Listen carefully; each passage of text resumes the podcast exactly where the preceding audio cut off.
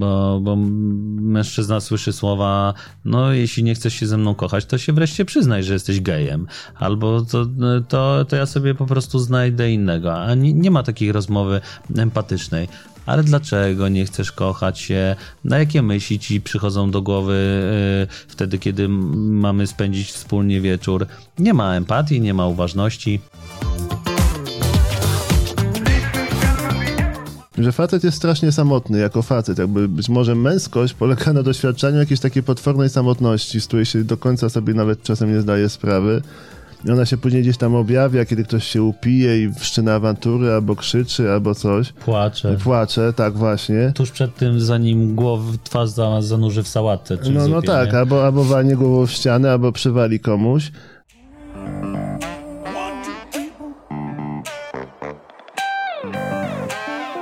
Takie spotkania towarzyskie z osobami, z którymi się zna powiedzmy lepiej niż powierzchownie, ale nie przyjaźni, to one polegają na byciu w takiej grzecznej, przewidywanej przestrzeni, co tam u ciebie, aha, mhm. aha.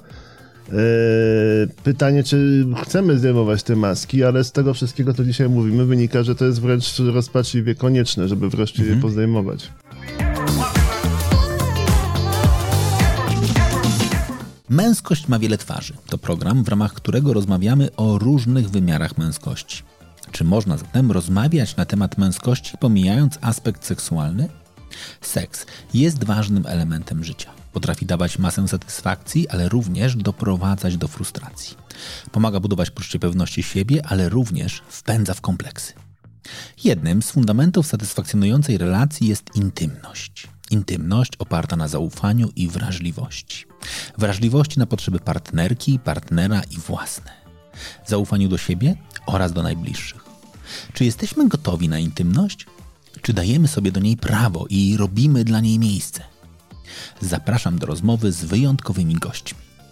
Andrzejem Gryżewskim, seksuologiem, psychoterapeutą poznawczo-behawioralnym, psychologiem – wieloletnim współpracownikiem profesora doktora habilitowanego Zbigniewa Lewstarowicza w Instytucie Seksuologii Polskiego Towarzystwa Seksuologicznego. Andrzej jest członkiem Polskiego Towarzystwa Seksuologicznego i Polskiego Towarzystwa Terapii Poznawczej i Behawioralnej oraz Przemysłowem Pilarskim, dramatopisarzem, scenarzystą, dramaturgiem, dziennikarzem absolwentem polonistyki na Uniwersytecie Jagiellońskim oraz kursu scenariuszowego w Warszawskiej Szkole Firmowej. Laureatem m.in. ogólnopolskiego konkursu na wystawienie polskiej sztuki współczesnej, Gdyńskiej Nagrody Dramaturgicznej oraz konkursu Metamorfozy Rzeczywistości. Stypendystą ministra kultury. Czyli fantastyczni faceci to przede wszystkim współautorzy doskonałych książek o męskości, mężczyznach i seksualności mężczyzn. Polecam Wam bardzo książki jak Facet z facetem oraz Sztuka obsługi penisa. A Was zapraszam na niezwykłą rozmowę. Mi otwiera ona oczy i bardzo uwrażliwia. I utwierdza w przekonaniu, że każdy związek jest przede wszystkim o mocnym my, czyli o byciu razem, o wrażliwości.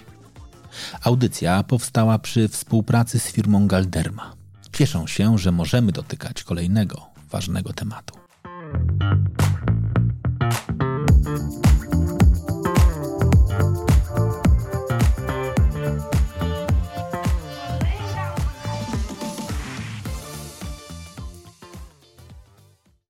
Męskość ma wiele twarzy. To projekt realizowany wspólnie z Galdermą. Rozmawiamy o różnych wymiarach męskości, a dziś, dziś porozmawiamy o seksualności o tym, czym i jaki jest wymiar, no właśnie, tej seksualnej męskości, bo z nami dzisiaj w rozmowie jest Andrzej Gryżewski, seksuolog.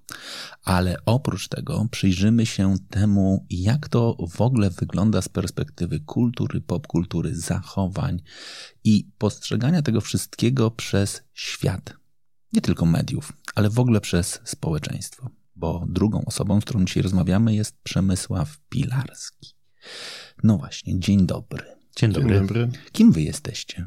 Mm, kim jesteśmy? jesteśmy Ludźmi, mężczyznami. Tak, tak. Współautorami książek, e, kumplami. No dobra, ale to jest ciekawe, bo ty, i teraz będę mówił do ciebie Przemku, jesteś dramatopisarzem, scenarzystą, dramaturgiem, jesteś człowiekiem sztuki. No chyba można to tak nazwać, ale jak sam widzisz, nie jest to jakby na pierwszym miejscu w moim autodefiniowaniu się, tak? To są, to są rozmaite zawody, które robię, tak? I bardzo lubię ten płodozmian, że robię trochę tego, trochę tego, ale rzeczywiście wszystko to wiąże się nie tyle ze sztuką, co z pisaniem. Aha. Kiedy odkryłeś, że lubisz pisać?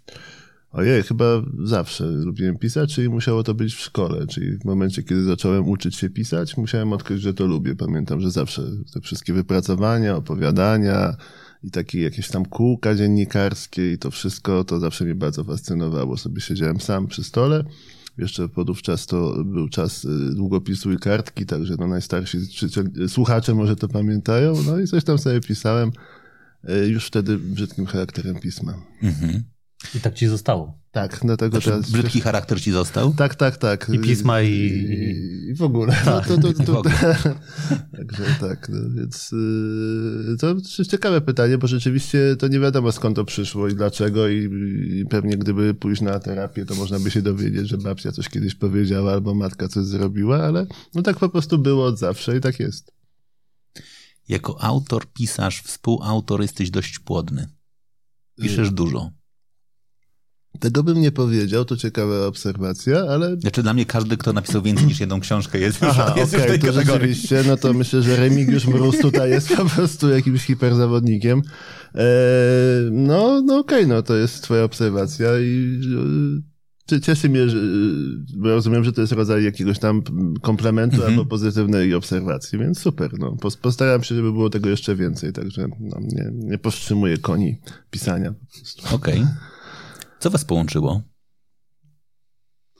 E, chyba takie upodobanie do obserwowania rzeczywistości e, i do opisywania jej z poczuciem humoru w takim miksie z powagą. Mhm. E, I tak powstała nasza pierwsza książka Jak facet z facetem, tak mhm. powstała nasza druga książka Sztuka obsługi penisa, że obserwowaliśmy różne zagadnienia, wymienialiśmy się refleksjami i opisywaliśmy w taki sposób, żeby ona, żeby ta treść została w głowie za pomocą żartów, żeby się za, zaczepiła E, natomiast niesie za sobą takie różne ważne, ważne i poważne treści. Ja bym chciał się na tym zatrzymać na chwilę, bo ty jesteś terapeutą. Tak, jestem psychoterapeutą, seksuologiem, psychologiem, dotykasz edukatorem po, seksualnym. Dotykasz poważnych tematów. Tak, lubię dotykać poważnych tematów. To skąd pomysł na to, żeby je dotykać w formie lekkiej? Czyli dokładnie jakby zacząć pisać i publikować książki, które są nie śmiertelnie poważne. Wiesz co, Wojtek, ja mam za sobą 17 e, lat szkoleń. Mianowicie skończyłem 5 lat psychologii, później skończyłem 5 lat seksuologii, później skończyłem 5 lat psychoterapii cebetowej, czyli terapii poznawczo-behawioralnej i 2 lata terapii schematów. I większość książek, które czytałem przez te 17 lat, mm -hmm. kawał życia, e, to były tak śmiertelnie poważnie napisane, że ja po prostu czasami chciałem wypróć sobie żyły i powiesić się na nich. W sensie taki bezsens y, czułem, e, bo, bo po prostu one były napisane tak ex katedra, jakby jakiś taki wybierający się na emeryturę e, profesor waflował się swoim e, dorobkiem. W sensie, że, że by, były, były bardzo trudne w odbiorze. I ja sobie myślałem, że ja chciałbym napisać taką książkę, którą mi by się z przyjemnością czytało. E, I bodajże 8 lat temu zacząłem się rozglądać e, za współautorem do napisania tej książki e, i mm, któregoś razu będąc na, na takiej mm, imprezie, w, w, w trakcie której były stand-upy, zobaczyłem Przemka, który żartował sobie ze swojej orientacji mm, homoseksualnej. No i e, bardzo mi się to spodobało.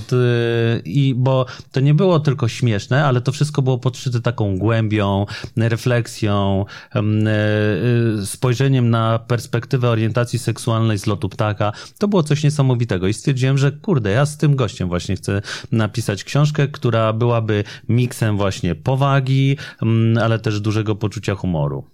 Naprawdę?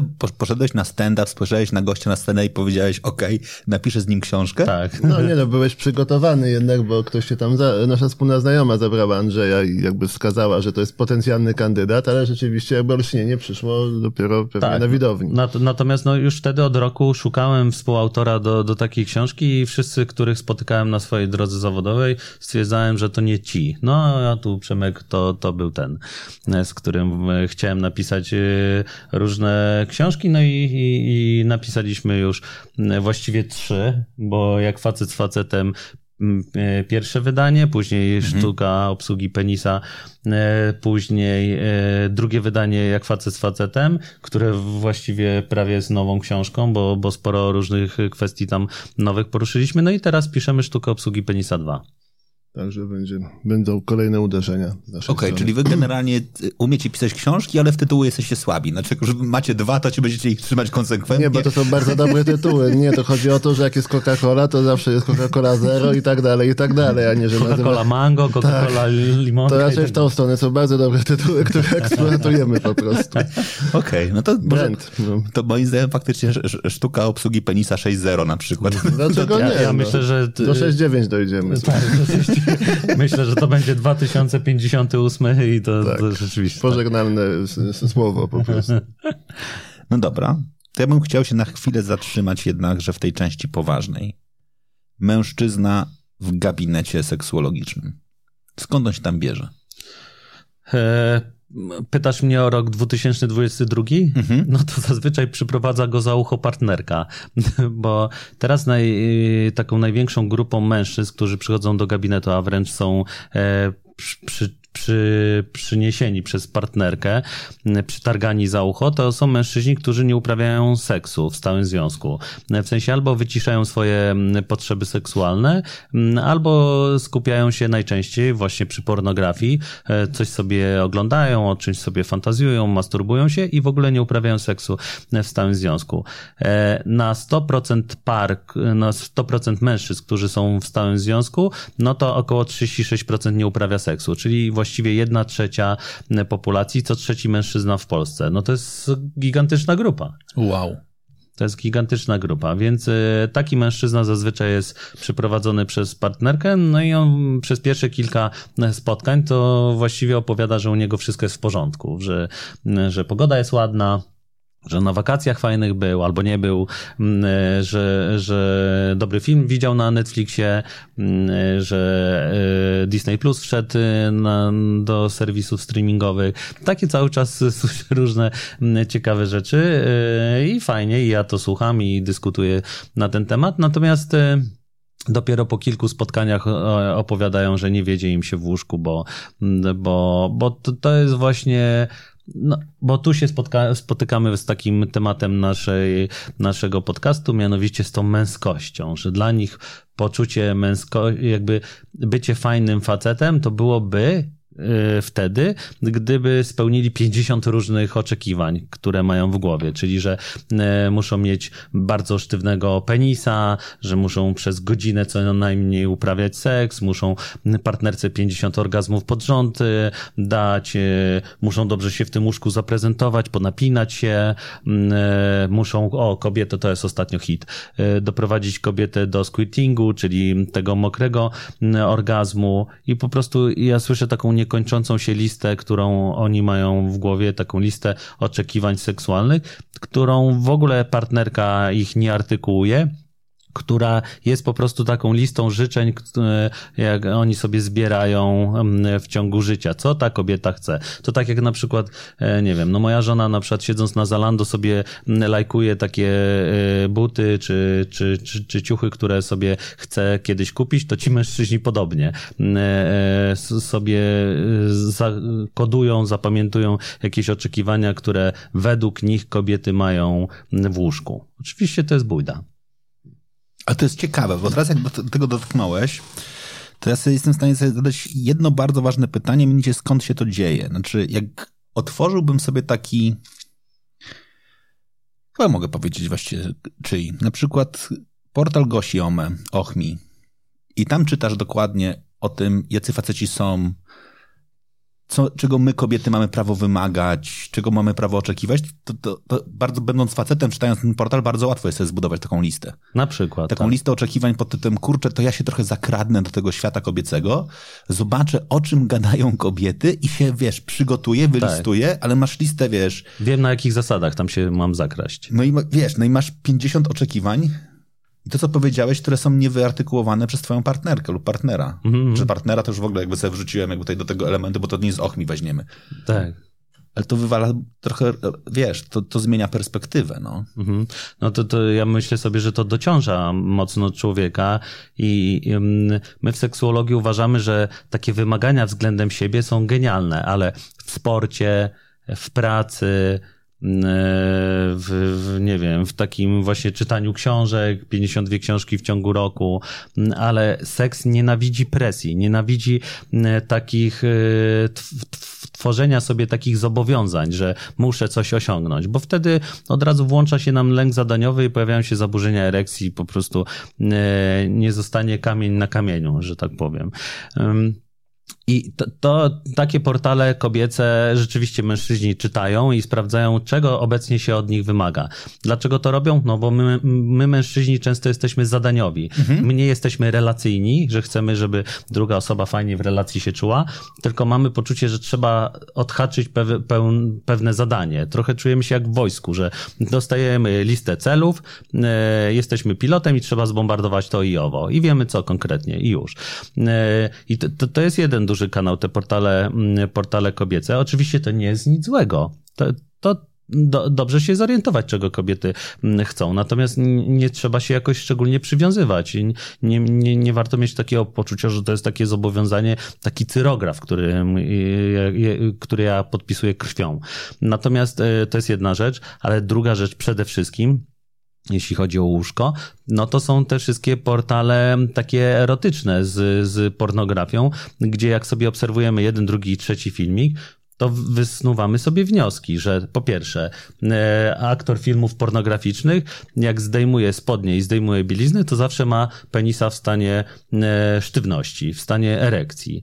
Y, u nas, y, mężczyzn, to się w życiu naszym nie dzieje. Jak, jak się rozbieramy, y, czy idąc spać, czy idąc z partnerką do, do łóżka, to raczej mamy tego członka w stanie spoczynku, chyba że jest jakaś pikantna akcja od godziny na, na randce, czy gdzieś w kinie była przed chwilą, no to, to wtedy jesteśmy bardziej pobudzeni, ale tak, to generalnie nasz członek jest raczej w stanie spoczynku, dlatego że członek jest bardzo urazowy, e, łatwo, łatwo go e, mm, wywołać jakieś mikrourazy, na przykład żołądź jest pokryta naj, najcieńszą skórką w, w, organizmie. Jeśli by ją przebić, tą żołądź, wiem, że to może być e, takie dla słuchaczy trochę dziwne, natomiast jeśli by nakłuć szpilką, to po prostu poleci fontanna krwi. On jest, członek jest niezwykle delikatny. Dlatego ten członek jest najczęściej w stanie spoczynku, żeby po prostu nie powodować jakichś urazów, które by zamknęły nam drogę do seksu.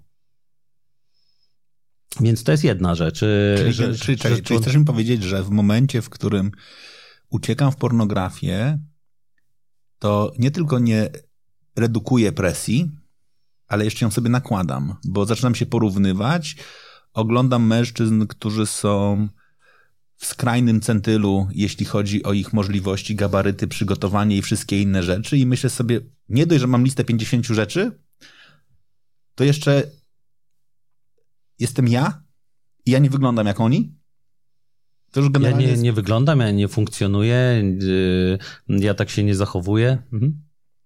Tak. Nie, no to, to, to, robi się dramat ze względu na to, że z tym mózgiem to jest ciekawa sprawa, jak on odbiera rzeczywistość, bo jak sobie idziemy na film o Bondzie i widzimy, że Bond zeskakuje z helikoptera do pędzącego mm, pociągu, a później jeszcze przeskakuje z tego pędzącego e, pociągu na łódkę, która płynie obok mm, na, na rzece, no to mamy poczucie, że to jest generalnie nierealne i, i jak my byśmy tak zrobili, to byśmy akurat skacząc właśnie z łódki, z tego pociągu pędzącego do łódki, byśmy się roztrzaskali na jakimś drzewie, które nagle jak w tej kreskówce z, z, z e, strus się pędzi wiatrem i, i kojotem by się nagle pojawiło. Natomiast y, jak oglądamy pornografię, to mamy poczucie, że to jest realne, że tak powinniśmy funkcjonować, żeby był ten super wzwód, te super orgazmy u partnerki, żebyśmy my cechowali się dużą akrobatyką seksualną. To jest w ogóle ciekawe. To jest bardzo ciekawa, trochę i zaraz będę odbijał do ciebie e, e, uwagę. To jest w ogóle z perspektywy twórców i sztuki. Znaczy, kurczę, to jest trochę ten moment, że czy, czy przed pornografią nie powinna być wyświetlona e, tabliczka. Wszystkie sceny są fikcyjne, one jakby nie, nie bierz ich po, poważnie. Znaczy, mówię, mówię totalnie nie wprost, rób nie rób tego w domu. Znaczy, ja, ja, ja faktycznie jak, jako psycholog mogę powiedzieć, zrobiłem w Polsce, był taki moment, większość programów typu reality show, odpowiadałem za obsługę pro, programów o, o, sportach ekstremalnych, czyli wszystkich Fear Factor i tak dalej, i tak dalej. I tam podstawowy zarzut dokładnie Krajowej Rady do Spraw Radiofonii i Telewizji mieliśmy taki, że niewystarczająco wyraźnie powiedzieliśmy nie rób tego w domu. Tak, i myśmy mm. mówili, nie no, my rozumiemy to, ale nikt normalny w domu nie wejdzie do, nie wiem, do gabloty z wężami, tak? Znaczy, i, i mimo tego, że tam mówiliśmy, że tak, to, to wszystko jest jakby element scenariusza, pamiętajcie, jest miliard zabezpieczeń i tak dalej, dalej mieliśmy ten zarzut, a to, co mówisz, tego zarzutu nie ma w ogóle w, w kategorii pornografii. Tak, no to, to jest dziki zachód z tą pornografią. I bo tutaj akurat rozmawiamy o osobach dorosłych, e, natomiast te osoby dorosłe kiedyś były dziećmi mhm. i chodzi o to, że ja często w gabinecie, jak spotykam pacjenta, który jest bardziej taki świadomy, to on mówi, wie pan co, no ja teraz mam 40 parę lat, ale ja e, tak nałogowo się masturbuję i oglądam pornografię no od jakiegoś 16 e, roku życia, 19 czyli często ponad połowa życia jest to, to są tysiące roboczo godzin spędzonych przy oglądaniu tych właśnie schematów, tej, tej pornografii, która pokazuje rzeczy niemożliwe. No, na Bonda raczej idziemy raz w roku, czy raz na pół roku, prawda? Czy na jakieś takie filmy akcji widzimy je sporadycznie. Natomiast tutaj to są cały czas bombardowanie mózgu takimi, takimi scenami, które nam zostają w głowie, jako ta norma, do której musimy doskoczyć. To jest niemożliwe. No, ale mózg już nasycony tą, tą normą nie wie, że to jest niemożliwe. Wie, że my musimy temu sprostać. Jeszcze jak powiedziałeś, że ma 44, 40 parę lat, ja sobie myślę, mam 45, to jakby to też jest trochę inaczej, znaczy w takim sensie, że ja pamiętam, że ja miałem dwie gazety, jeden film, no po prostu i hmm. ten, ten film znałem na pamięć, gazety chowałem pod łóżkiem i generalnie jakby ta ilość zmiennych była dość, dość mała, tak? Znaczy jakby, a jak, no tak. sobie, jak sobie pomyślę też o dzisiejszej sytuacji, w której treści pornograficzne są w ogóle niezabezpieczone. Znaczy, oprócz tego, że masz dostęp bezproblemowy do wszystkich e, portali, to łącznie, nie wiem, z Google Film i Google Grafika, w którym po prostu wpisujesz cokolwiek i właściwie znajdujesz wszystko. No. Mhm, dokładnie. Natomiast no, już te serwisy takie streamingowe, mm, e, gdzie jest dużo tej pornografii, to już jest, e, myślę, że, że ostatnie 10 lat, więc mhm. można, jak, jak ktoś by e, był na miejscu moich pacjentów, którzy przychodzą do mnie do gabinetu, no to rzeczywiście przez te 10 lat można się uzależnić. No, piękny przykład tej pandemii, gdzie dużo firm pornograficznych udostępniało pakiety E, bezpłatnie przez pierwsze trzy miesiące w tej, w tej jakości HD. Dużo osób wtedy się też wciągnęło, bo wreszcie mieli dostęp do, do wszystkiego i to w super jakości. To co się takiego też stało, jak mówisz, bo ja, u mnie w, w, z tyłu głowy cały czas uderza ta liczba 30 ponad procent mężczyzn w związkach nie uprawia seksu. Oni unikają na początku, to znaczy y, widzę, że tak, mężczyźni po, próbują, ale próbują dwa, trzy razy, jeśli chodzi o seks.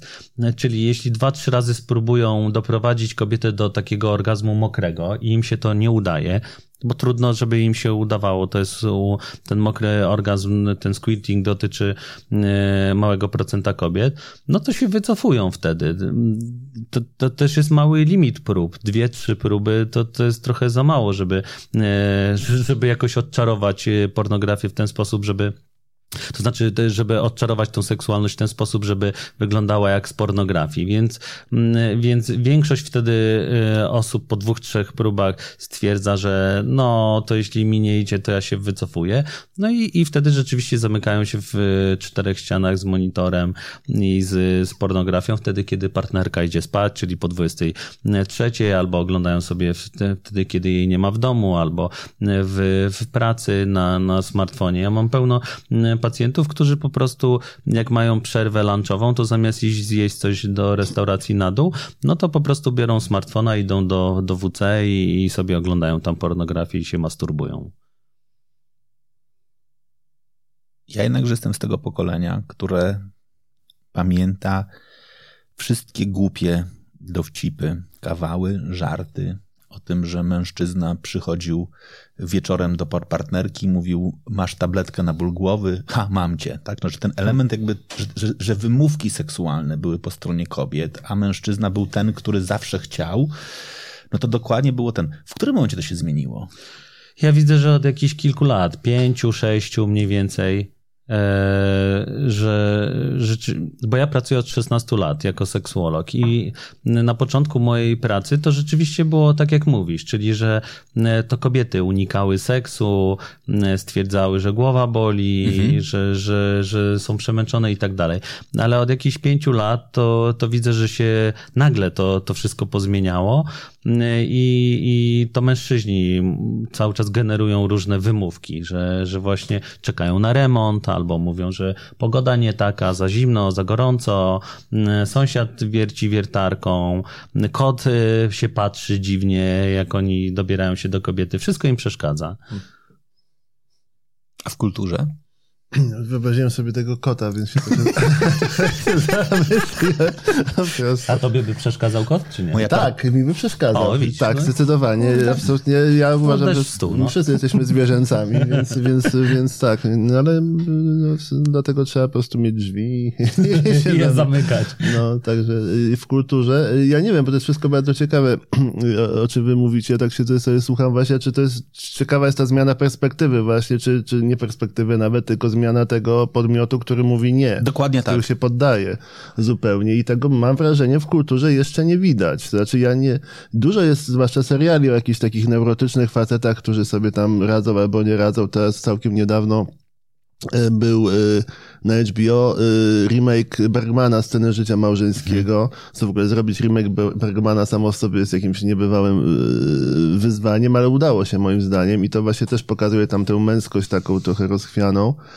Ale tak na dobrą sprawę, jeszcze mówiliście o tych Bondach, no to Bond przecież ciągle jednak jest tym facetem, który skacze po tych łódkach i, i, i nie tylko, bo w sypialni kot mu też nie przeszkadza prawdopodobnie, ani, ani, ani żaden rosyjski szpieg pewnie też by mu nie przeszkadzał. Ale w ostatnim Bondzie Bond się popłakał. A, popłakał się. No to jeszcze tak ze 20 lat i nie będzie miał erekcji może w takim razie. I powiedział chyba, że kocha. Naprawdę? Tak, wtedy co ta rakieta już do niego leciała. Ale to już chyba jest ten moment, kiedy już się przygotowujemy na to, że kolejnym Bondem będzie kobieta po prostu. Wiesz, no to, jest chyba, to, jest, tak? to, jest, chyba, o tym teraz. jak rakieta na nas leci, to już kochamy wtedy, już się przyznajemy tak jak ty.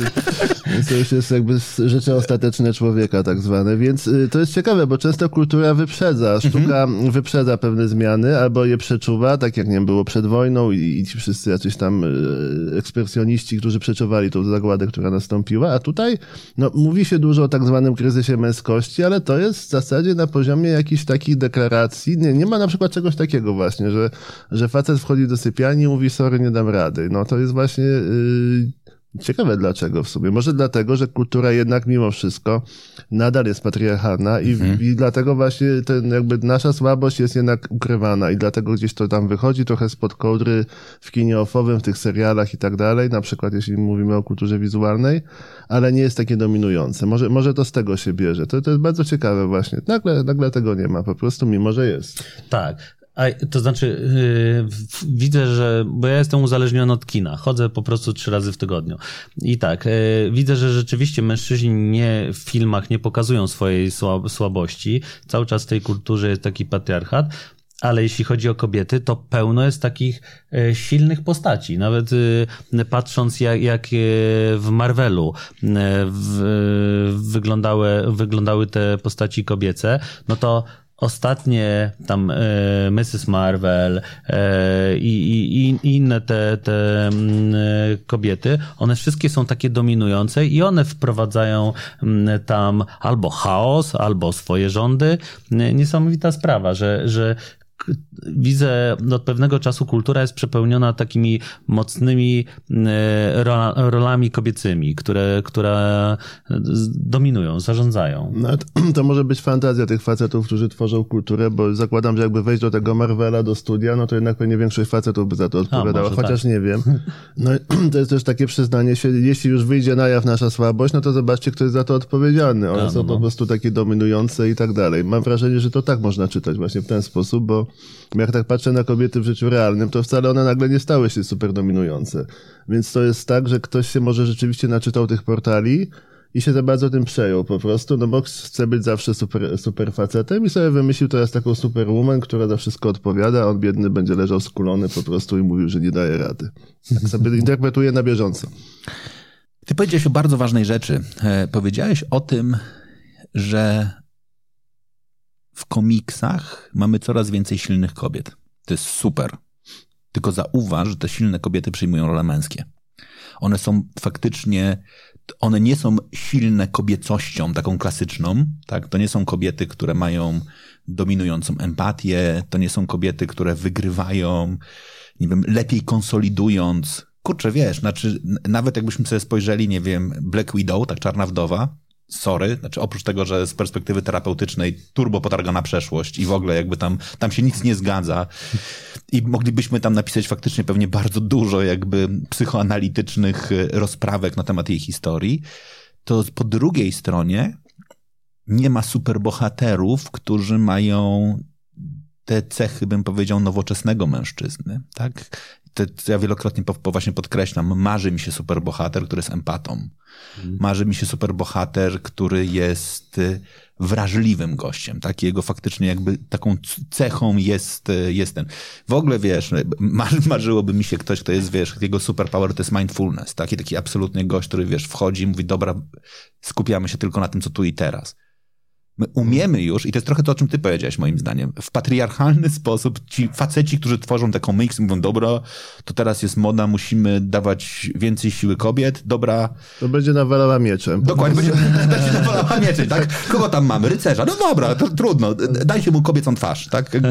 No to tak to właśnie się dzieje, moim zdaniem. A ten specjalista od mindfulness to jest taki, że ona tam sobie, albo on jedzie do tego Tybetu, spędza trochę czasu, wraca i nawala mieczem po prostu. Więc mhm. jakby to jest, to jest tylko tyle. Tak? Jakby tej empatii się nie uczą w żaden sposób.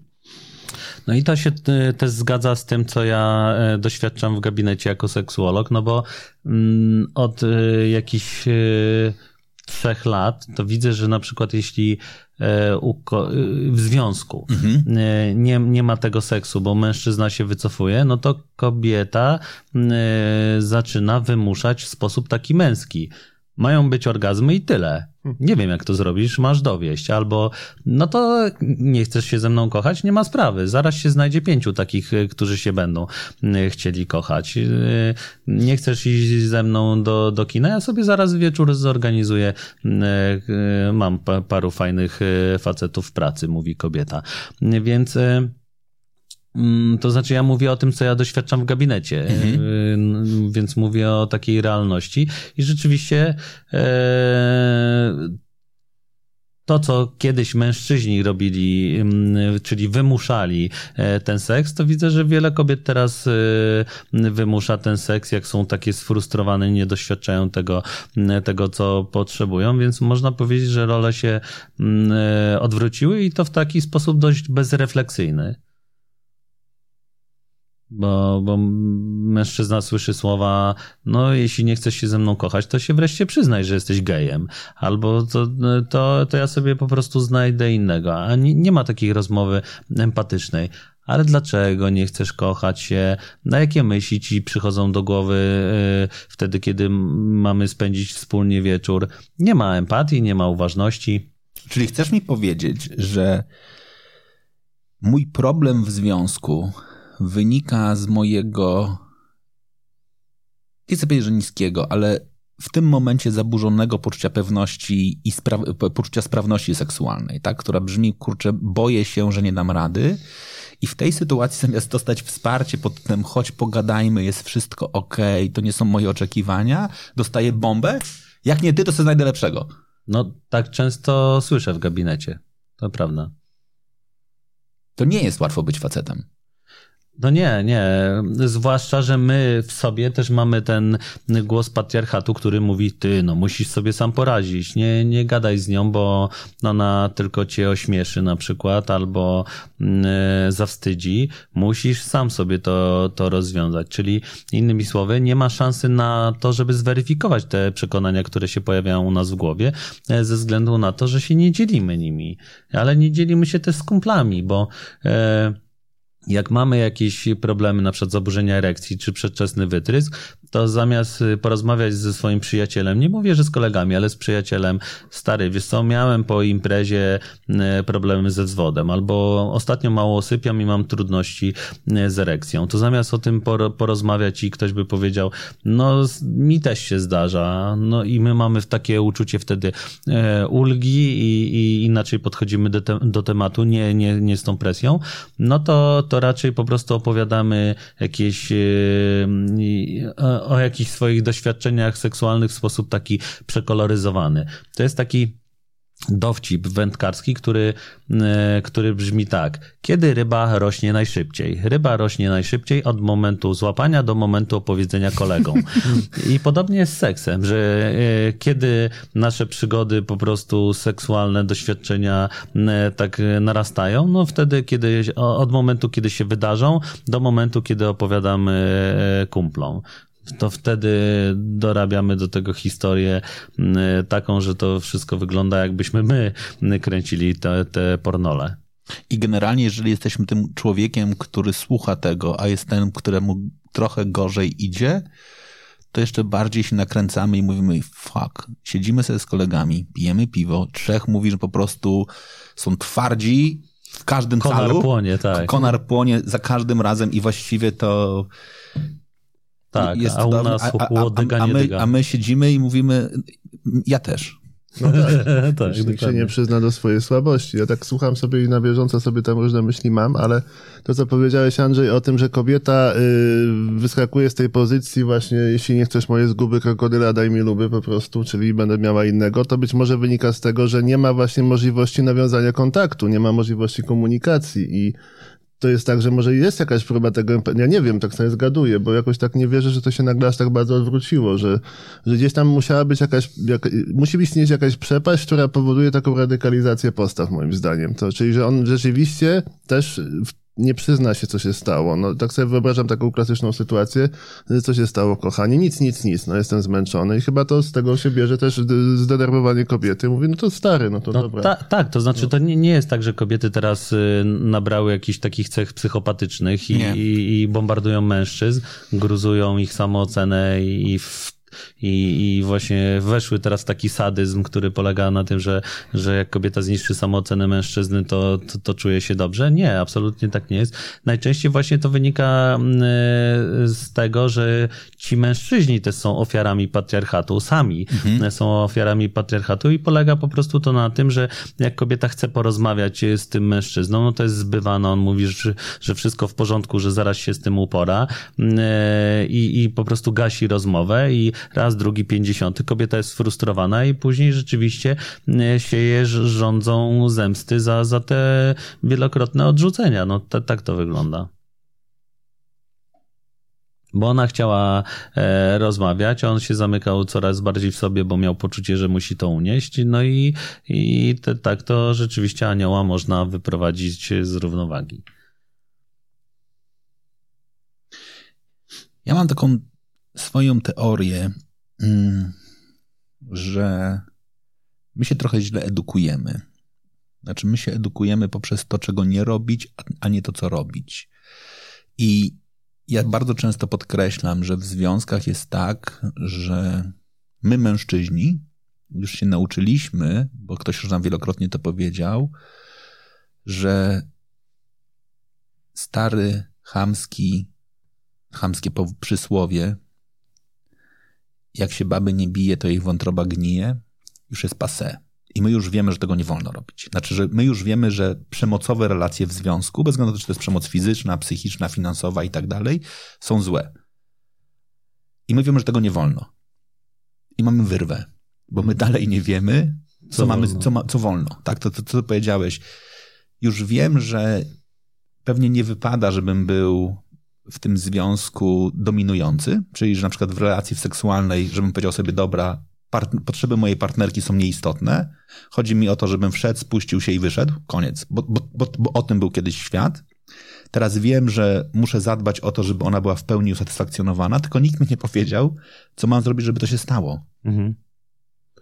No właśnie, to jest brak tego empatycznego superbohatera, ale na takiej przestrzeni yy, codzienności po prostu. Czyli on nie musi ratować świata, ale niech sobie wykreuje swoją własną nową męskość po prostu.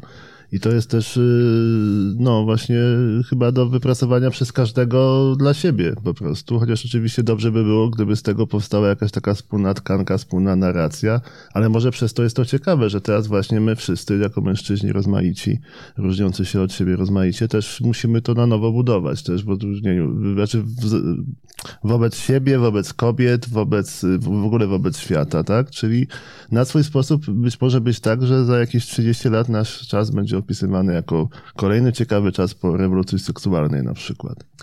Tak. Problem też jest z naszym, z funkcjonowaniem naszego mózgu. Mianowicie on działa w taki sposób bardzo dychotomiczny, czyli zero-jedynkowy. Czyli innymi słowy, jeśli wcześniej coś było na zero, to nasze zachowanie było fatalne. W sensie, że, że wymagaliśmy my mhm. Od, od kobiet, żeby się udostępniały seksualnie.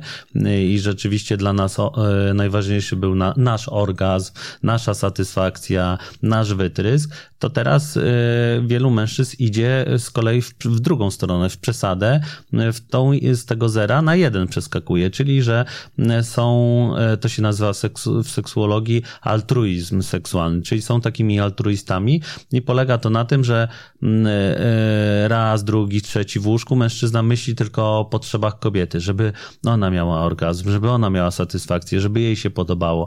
No i e, przez pierwsze kilka razy to jest bardzo fajne, no ale jak ten seks ma być kilkanaście razy nastawiony wyłącznie na, na, na potrzeby kobiety, no to przestaje nam się chcieć, e, mhm. jeśli, jeśli mamy tylko karmić drugą osobę. I to też jest kolejny powód tego wycofywania się e, naszego męskiego z łóżka, że nie ma tutaj takiego, takiej równowagi, w sensie zadbania o kobiecą satysfakcję i też zadbania o nas. Zazwyczaj jak, jak już mężczyzna, ten altruista seksualny doprowadzi kobietę do orgazmu, to stwierdza, dobra, no urobiłem się po łokcie, to już, już sobie dzisiaj daruje ten seks. No i później pokątnie gdzieś tam wieczorem masturbuje się przy pornografii. Czyli pojawia się taka sytuacja, że pańszczyzna jest żoną, z partnerką, no a po godzinach to jest czas dla niego. No to jest ciekawe, bo nie ta pornografia, do której on się masturbuje, to jest znowu z kobietą jednak uprzedmiotowioną. Mhm. No i to też jakby sobie odbija w ten sposób. Tak jak chłop pańszczyźniany, tam ten jeden snopek zawsze sobie zakosił z tego pola po prostu do swojej stodoły. No, to śmieszne, ale tak było. No, to był rodzaj pasywnej zemsty. Dokładnie. Tak.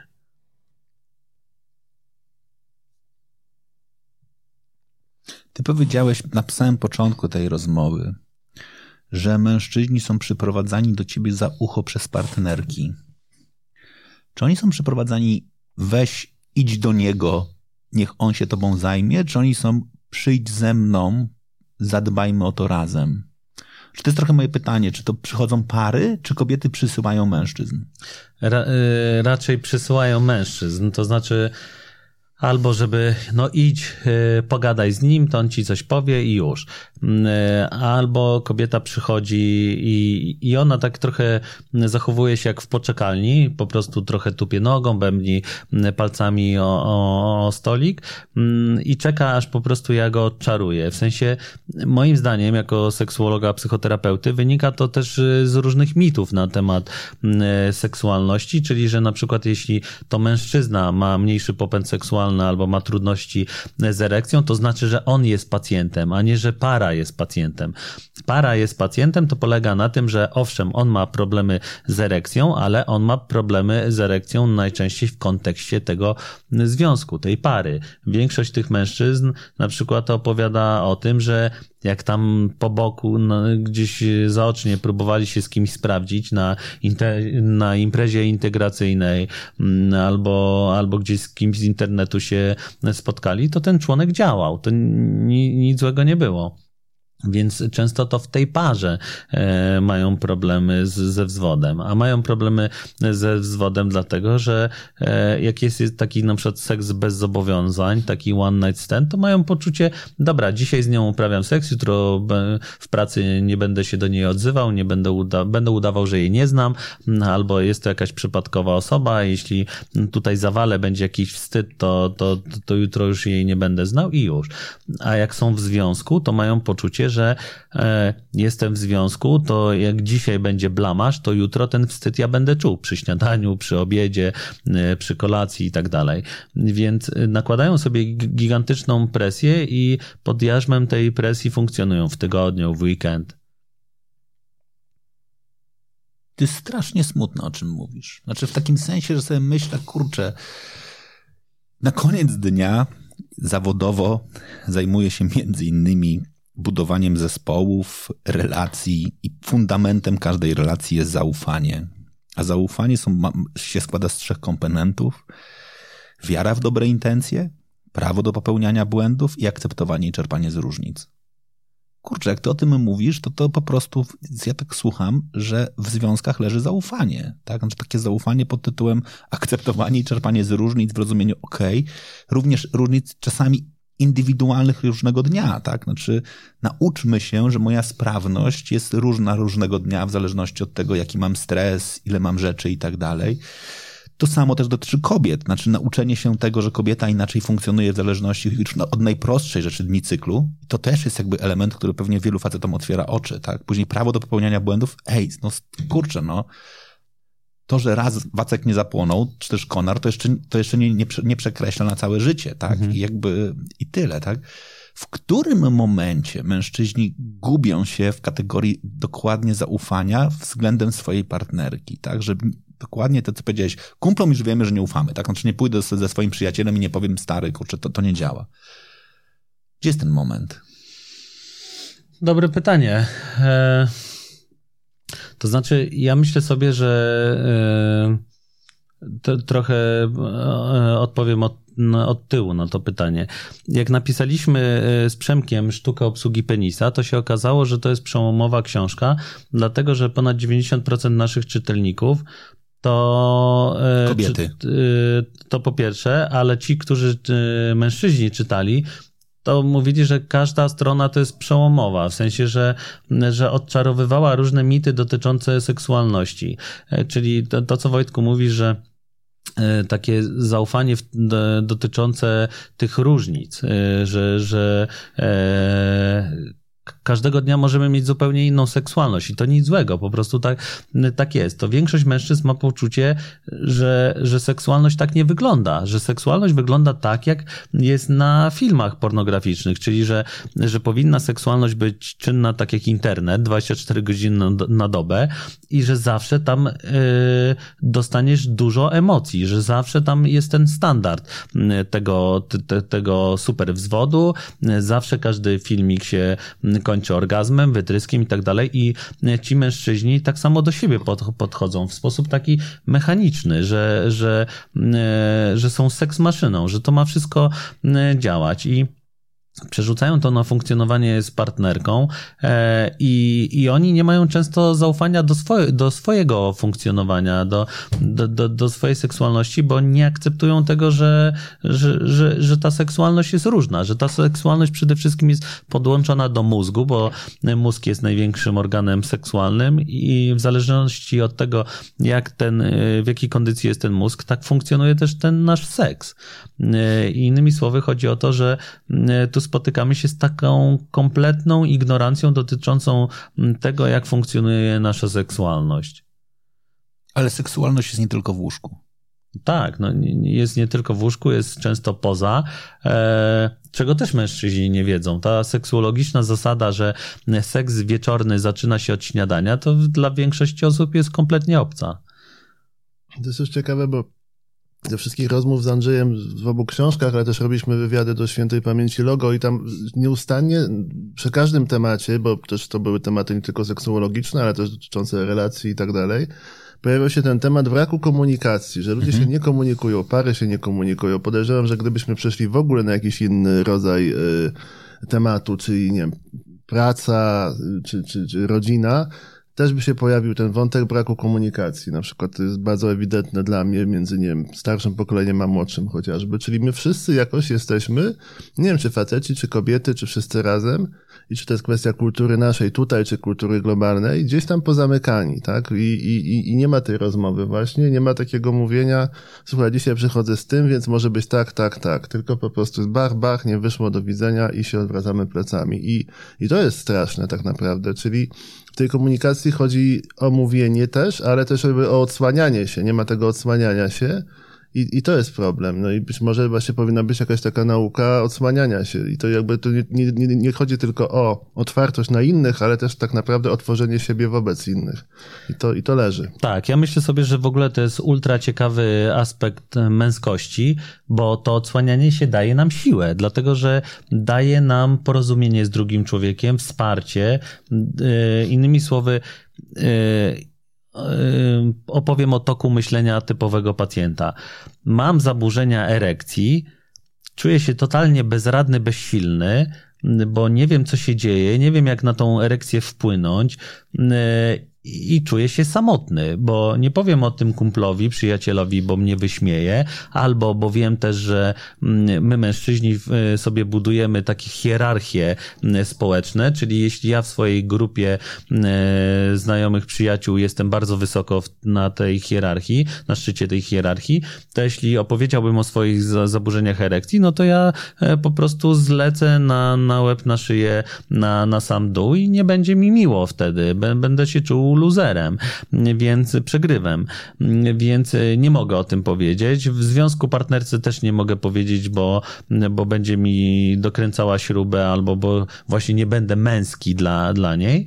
E, I jestem samotny. W internecie sobie poczytam różne rzeczy, tam nic nie znajdę ciekawego. Będę sobie wcierał jakieś maści na szczury swoje, w swój członek, e, że, żeby on był w stanie erekcji, to to nie zadziała. E, kupię sobie jakąś tam kamagrę na lewo z internetu, to też nie zadziała. No i bezradność, bezsilność, samotność. No i to jest obraz e, polskiego mężczyzny w łóżku, któremu się nie wiedzie. Może być gorzej? Nie. Zawsze może być gorzej. No i no, no to, to, już nie wiem, moja wyobraźnia tak nie, nie sięga daleko, co jeszcze może być gorzej, no bo to już jest obraz nędzy i rozpaczy, samotny, bezradny, bezsilny mężczyzna, który czuje, że mm, na barkach mu spoczywa taka góra oczekiwań, jego samego do siebie samego, potencjalnych oczekiwań partnerki do niego, oczekiwań społeczeństwa, że on powinien być takim kogutem i mieć dużo tego seksu, oczekiwania, które widzi w pornografii, no dramat. Myślę, że może być gorzej i są już jakieś takie zwiastuny tego, mówię o kulturze inceli, tak? Czyli on jeszcze nadal, ten mężczyzna jest z kimś w tym łóżku samotny, ale może być już tylko i wyłącznie sam i jeszcze bardziej sfrustrowany i wkurzony i obrażony na świat i, i szukający jakichś rodzajów y, patologicznej zemsty na przykład na tym no tak, świecie. Tak, to... No i w związku z tym, że się cyfryzujemy i tak dalej, to kto wie, jak to będzie wyglądało w przyszłości. Właśnie, że będą ci samotni, sfrustrowani w tych swoich małych pokoikach z tym internetem, gdzie będą sobie rekompensować rozmaite rzeczy, a, a, a tak naprawdę właśnie ta samotność będzie już taka faktyczna, nie tylko taka, że jeszcze możemy coś z nią zrobić. No to prawda, ty, tu akurat jak Przemek hmm. powiedział o tych incelach, no to przyszedł mi przykład z ostatniego tygodnia, y, w, gdzie w Stanach 16-latek po prostu z karabinem wszedł do szkoły i strzelał do różnych e, rówieśników, bo po prostu poczuł się odrzucony przez swoją koleżankę i, i takie incelowskie treści umieszczał w internecie, że on się zemści, no i to zrobił. Także no rzeczywiście, może być gorzej. Przekonałeś mnie. No, cieszę się. Ty nie cieszę się. A ja mam jeszcze takie jedno przekonanie. I teraz celowo wrzucę tobie trochę Aspekt terapeutyczny tutaj. Ja nawiążę do siedmiu nawyków skutecznego działania Coveya. Dla tych, którzy znają, dla tych, którzy nie znają, myślę, że to jest jedna z takich naprawdę Biblii, którą nie trzeba czytać biznesowo, tylko dla, dla życia. Ale chcę powiedzieć, bo tam się przechodzi przez trzy trzy etapy, nazwijmy to rozwoju, czy też trzy sposoby postrzegania świata, czyli zależność, niezależność, współzależność. Zależność to jest to, co, z czym się rodzimy, tak? Czyli jesteśmy zależni od pozostałych, jesteśmy zależni od mamy, czyli to jest taki stan, w którym postrzegamy, że to świat za nas odpowiada, tak? Jak ponosimy porażkę, to mówimy, że to ty jesteś za to winien. Nie mamy takiego poczucia, że za co, na, na cokolwiek mamy wpływ jak trafiamy do dobrej firmy, to nas wyrzucają, wyrzucają na różne szkolenia z rozwoju osobistego, być może czytamy książki, być może idziemy do terapeuty, po to, żeby wejść do poczucia niezależności, czyli do tego, do tego stanu, kiedy mamy dominujące ja. Tak? To ja za to odpowiadam, ja umiem, ja mogę, ja jestem. I mówię o bardzo wielu osobach, które znam, które na przykład poszły na terapię, które dokładnie sobie byli w tej sytuacji takiego poczucia zewnętrznej potrzeby, zewnętrznego poczucia kontroli, kiedy mówi, ten, jestem zależny, świat na mnie wpływa. Zrobili bardzo dobry proces, w którym odkryli swoje silne ja, tak? Teraz ja jestem ważny, zadbali o to, ale nie poszli do trzeciego etapu, bo trzeci etap jest współzależność, czyli mocniejsze my. My jest mocniejsze niż ja. Ja mam takie trochę przekonanie, jak o tym mówisz, jak ty zacząłeś mówić o tym, o tej mojej hierarchii, że wielu mężczyzn, moim zdaniem, zostało na etapie ja. Tak, że zostało na etapie ja muszę sobie z, tym sam poradzić i nie ma odwagi do tego, żeby pójść do my. W związku, myślę sobie, to też jest du duży kłopot czasami, tak, że musimy sobie w związku powiedzieć, ej, ja i moja partnerka lub ja i mój partner mamy silniejsze my niż ja. Tak? Mam, muszę mieć gotowość do tego, żeby odsłonić brzuch. Tak? Do tego, żeby powiedzieć, ej, słuchaj, to, że dzisiaj nie mam gotowości, to nie bije w ciebie. Tak? To nie jest twoja wina, że nie mam gotowości, tylko jest jakieś wyzwanie, pogadajmy sobie o tym. Tak? A ja mam takie przekonanie, że my się tego boimy. I teraz to jest trochę pytanie dokładnie do ciebie jako do psychoterapeuty. I mówię totalnie naprawdę jest jeden z ważniejszych tematów w ogóle, który ja zawsze staram się z psychoterapeutami omawiać, wyprowadzanie ludzi z terapii. Bo jest taki moment, w którym po dobrze przepracowanej terapii osobistej masz przekonanie, że jesteś super bohaterem, że właśnie sobie załatwiłeś tematy z ojcem, matką, e, wszystkie z przeszłości, masz takie przekonanie, kurczę, to teraz, teraz ja mogę. I teraz co zrobić, żeby z tym silnym ja nie spierdzielić relacji? Tak? Znaczy, żeby właśnie faktycznie zadbać o to, no dobra, to teraz tym silnym ja ja muszę umieć budować my. Mhm. Ja myślę sobie, że właśnie przejść te trzy etapy, bo zazwyczaj ludzie przychodzą w, e, to znaczy mężczyźni przychodzą e, z problemami seksuologicznymi w tym pierwszym etapie zależności, czyli że to właściwie wina mojej partnerki. Dokładnie tak. Bo, bo nie ubrała bielizny erotycznej, bo się zezłościła na mnie, e, bo mnie wcześniej obudziła, bo, bo kazała mi wyprowadzić psa i nakarmić kota i tak dalej. A później ten kot nas obserwował i już, już wiemy, że to było słabe. Kot z wyrol. Jakby był głodny, to może by poszedł szukać myszy. Mm, e, natomiast później na terapii e, uczymy ich e, wiedzy seksuologicznej dotyczącej tego, jak funkcjonuje nasz organizm, funkcjonuje, funkcjonuje nasza głowa, nasze emocje mhm. i tak dalej. No i później uczymy ich, jak w ogóle rozmawiać z tą partnerką o tym seksie, nie zwalając na niej winy i, i jak jak nie, nie zabrnąć znowu w tą pornografię, no bo to ta pornografia, to ja myślę sobie, że to jest ta druga faza tej autonomii, w sensie, że im się wydaje, że no dobra, to teraz i jak nie mogę się dogadać z partnerką, e, e to ja sobie wszystko sam zorganizuję. No i tak sobie ktoś potrafi zorganizować, jak jeden z moich pacjentów, który na 32 lata małżeństwa, od, 16, od 26 lat nie uprawiał seksu, bo po prostu siedzi i się masturbuje i ogląda pornografię. Więc można być e, takim samotnym e, przez 26 lat. No to jest ponad e, ćwierć wieku. Bywa smutne. Tak. No smutne, smutne, to prawda. Ja bym chciał wyjść już z sypialni na inne wymiary seksualności, ale mam jedno pytanie, które mnie jeszcze interesuje. Statystyki. Jak Polacy uprawiają seks? W sensie jak często, jak dużo, średnio? E, różne badania pokazują, że e, penetracja pojawia się raz na dwa, raz na trzy tygodnie, a seks y, oparty na pocałunkach, pieszczotach, seksie oralnym pojawia się kilka razy w tygodniu. Więc to nie jest tak, że, że y, ten seks jest kilka razy w tygodniu. Większość moich pacjentów ma poczucie, że, że u nich jest słabo z tym seksem, a wszyscy to uprawiają ten seks właściwie codziennie albo co drugi dzień. A niestety gospodarka rabunkowa od wielu lat w, występuje w tak dużym natężeniu, w sensie te wszystkie zobowiązania nasze finansowe, zawodowe, dzieciowe, macierzyństwo, tacierzyństwo, remonty w domu i tak dalej, inflacja, pandemia, że, że po prostu e, większość osób jest niewyspanych, przejedzonych, nienajedzonych, e, korzystających mocno z używek. To wszystko mocno wpływa na seksualność, więc ta seksualność nie jest tak częsta, jak się ludziom wydaje, tylko e, jest dużo bardziej sporadyczna. Okej. Okay. To wyjdźmy z sypialni. Mężczyzna poza sypialnią. Czy mężczyźni w ogóle czują się męscy? Hmm.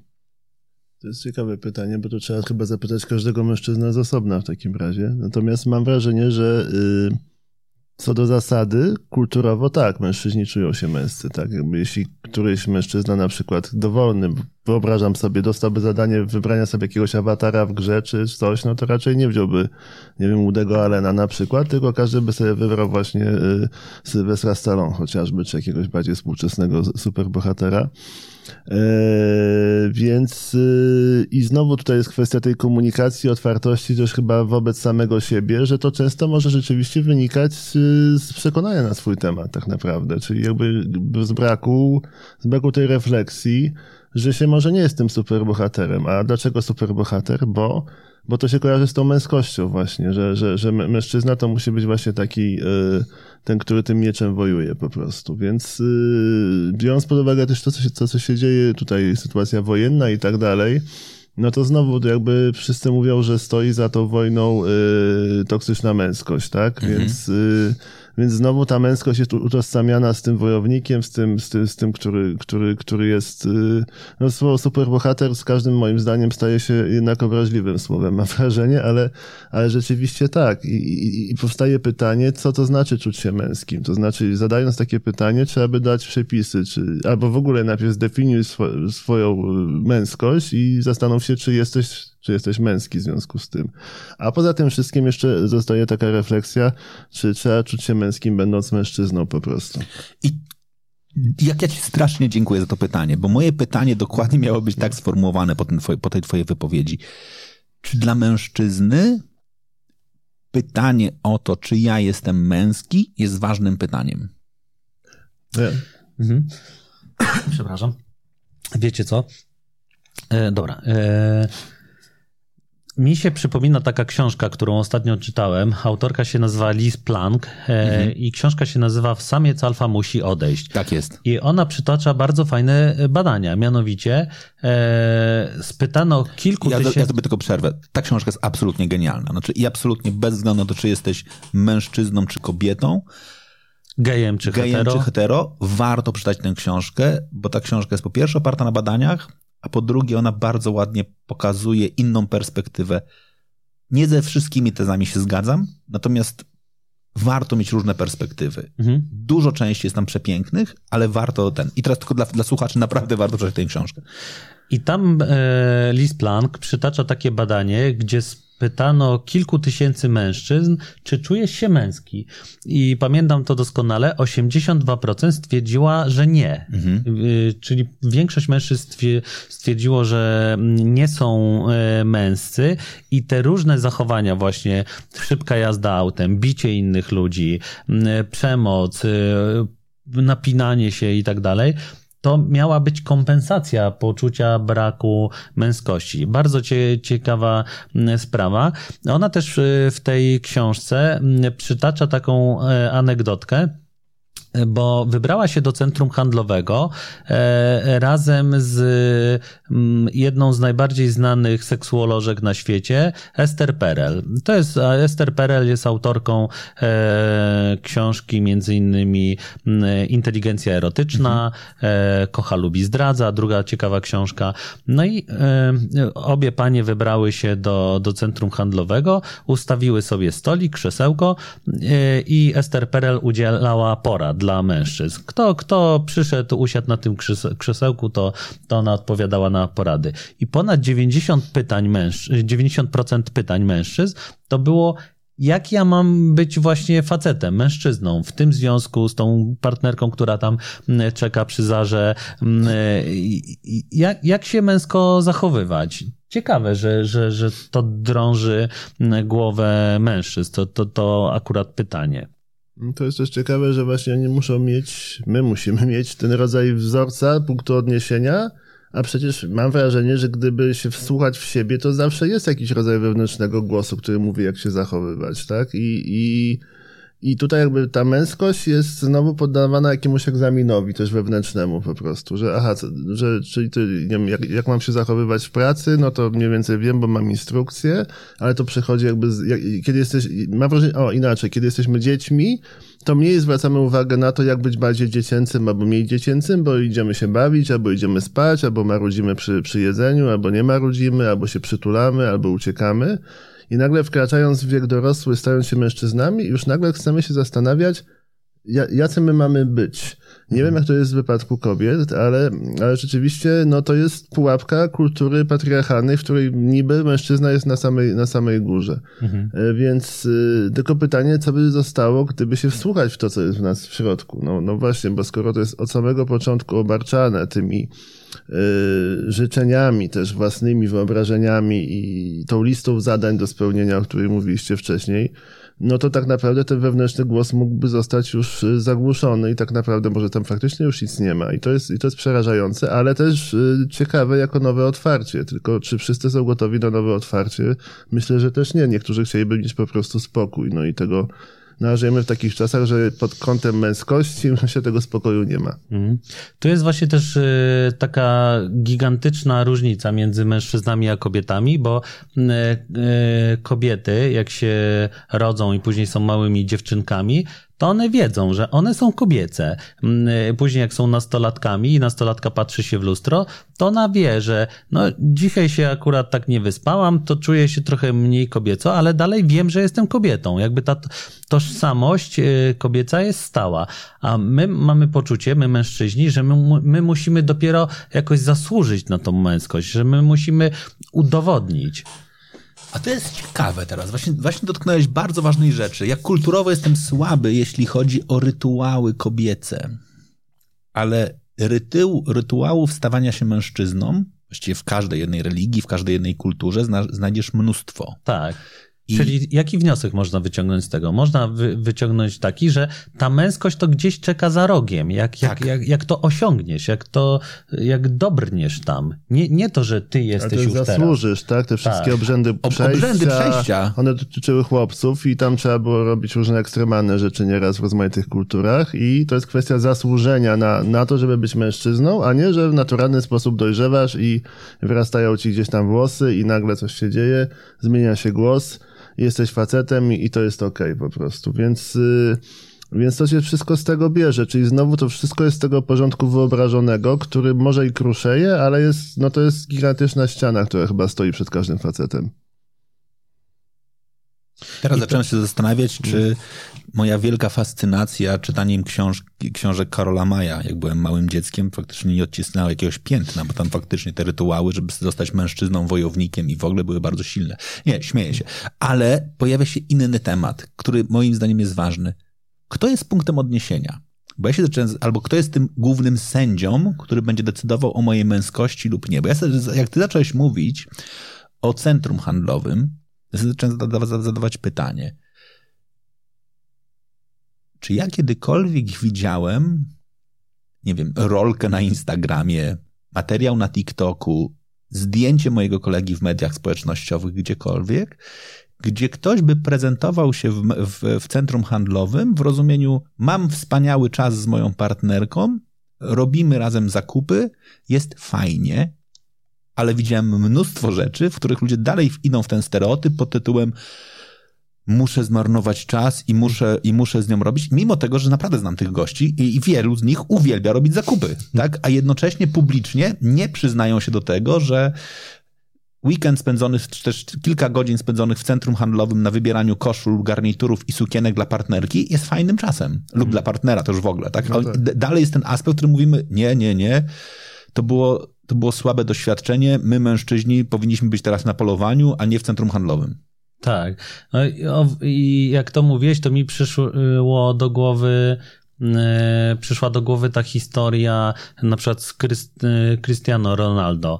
E, jego, jego, mm, mm, jak to dobrze ująć, jego imię jest często prze, przekręcane na sposób taki kobiecy, kry, że on jest Krystyna. Krystyna. tak. Dlaczego? Bo on się bawi mm -hmm. swoimi ubraniami, swoimi fryzurami. Ale on też jest jednym z tych gości, którzy potrafi zapłakać w sytuacji zawodowej. Znaczy po, tak. potrafi płakać na boisku. I, I myślę sobie, że to jest też ten przejaw patriarchalizmu, taka, taka nieakceptacja tego, że, że e, on e, się dobrze bawi ubierając się, przebierając i tak dalej dalej. I tak samo tutaj na gruncie polskim.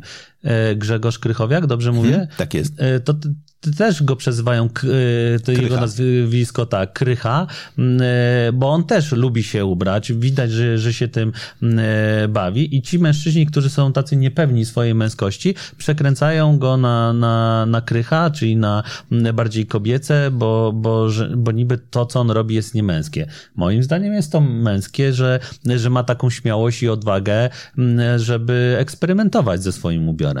To jest ciekawe, bo oni są obaj z pogranicza, bo gdzieś tam jest założona, domniemana, udowodniona jednak heteroseksualność tych facetów, tak? Więc e, oni są trochę tacy oswojeni, trochę dziwni, ale też jakby cała masa jest tych, którzy idą o krok dalej, na przykład, nie Michał Szpak i on, nie mówi się o nim Michalina, w ogóle się o nim nie mówi, bo on jest jakiś już w ogóle po prostu zupełnie inny.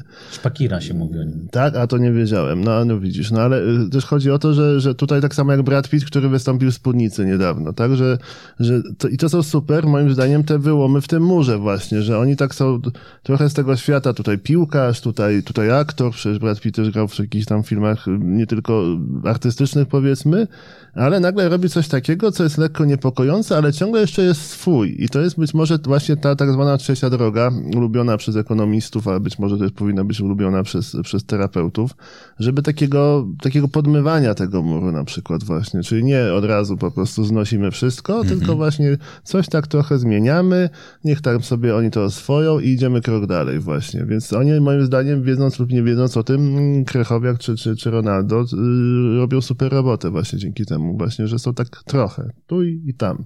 Bawią się i to jest jakby w formie zabawy właśnie. No dobra, ale ja dalej będę się tego trzymał. Czy to jest dalej jakby w kategorii pojęciowej określane jako zachowania męskie? Bo to jest, wiesz, czy to rozszerza mm. pojęcie męskości? To jest, o tym jest moje pytanie. Czy to nie jest tak, że my mówimy, ich męskość jest z innym miejsca, to się bawią?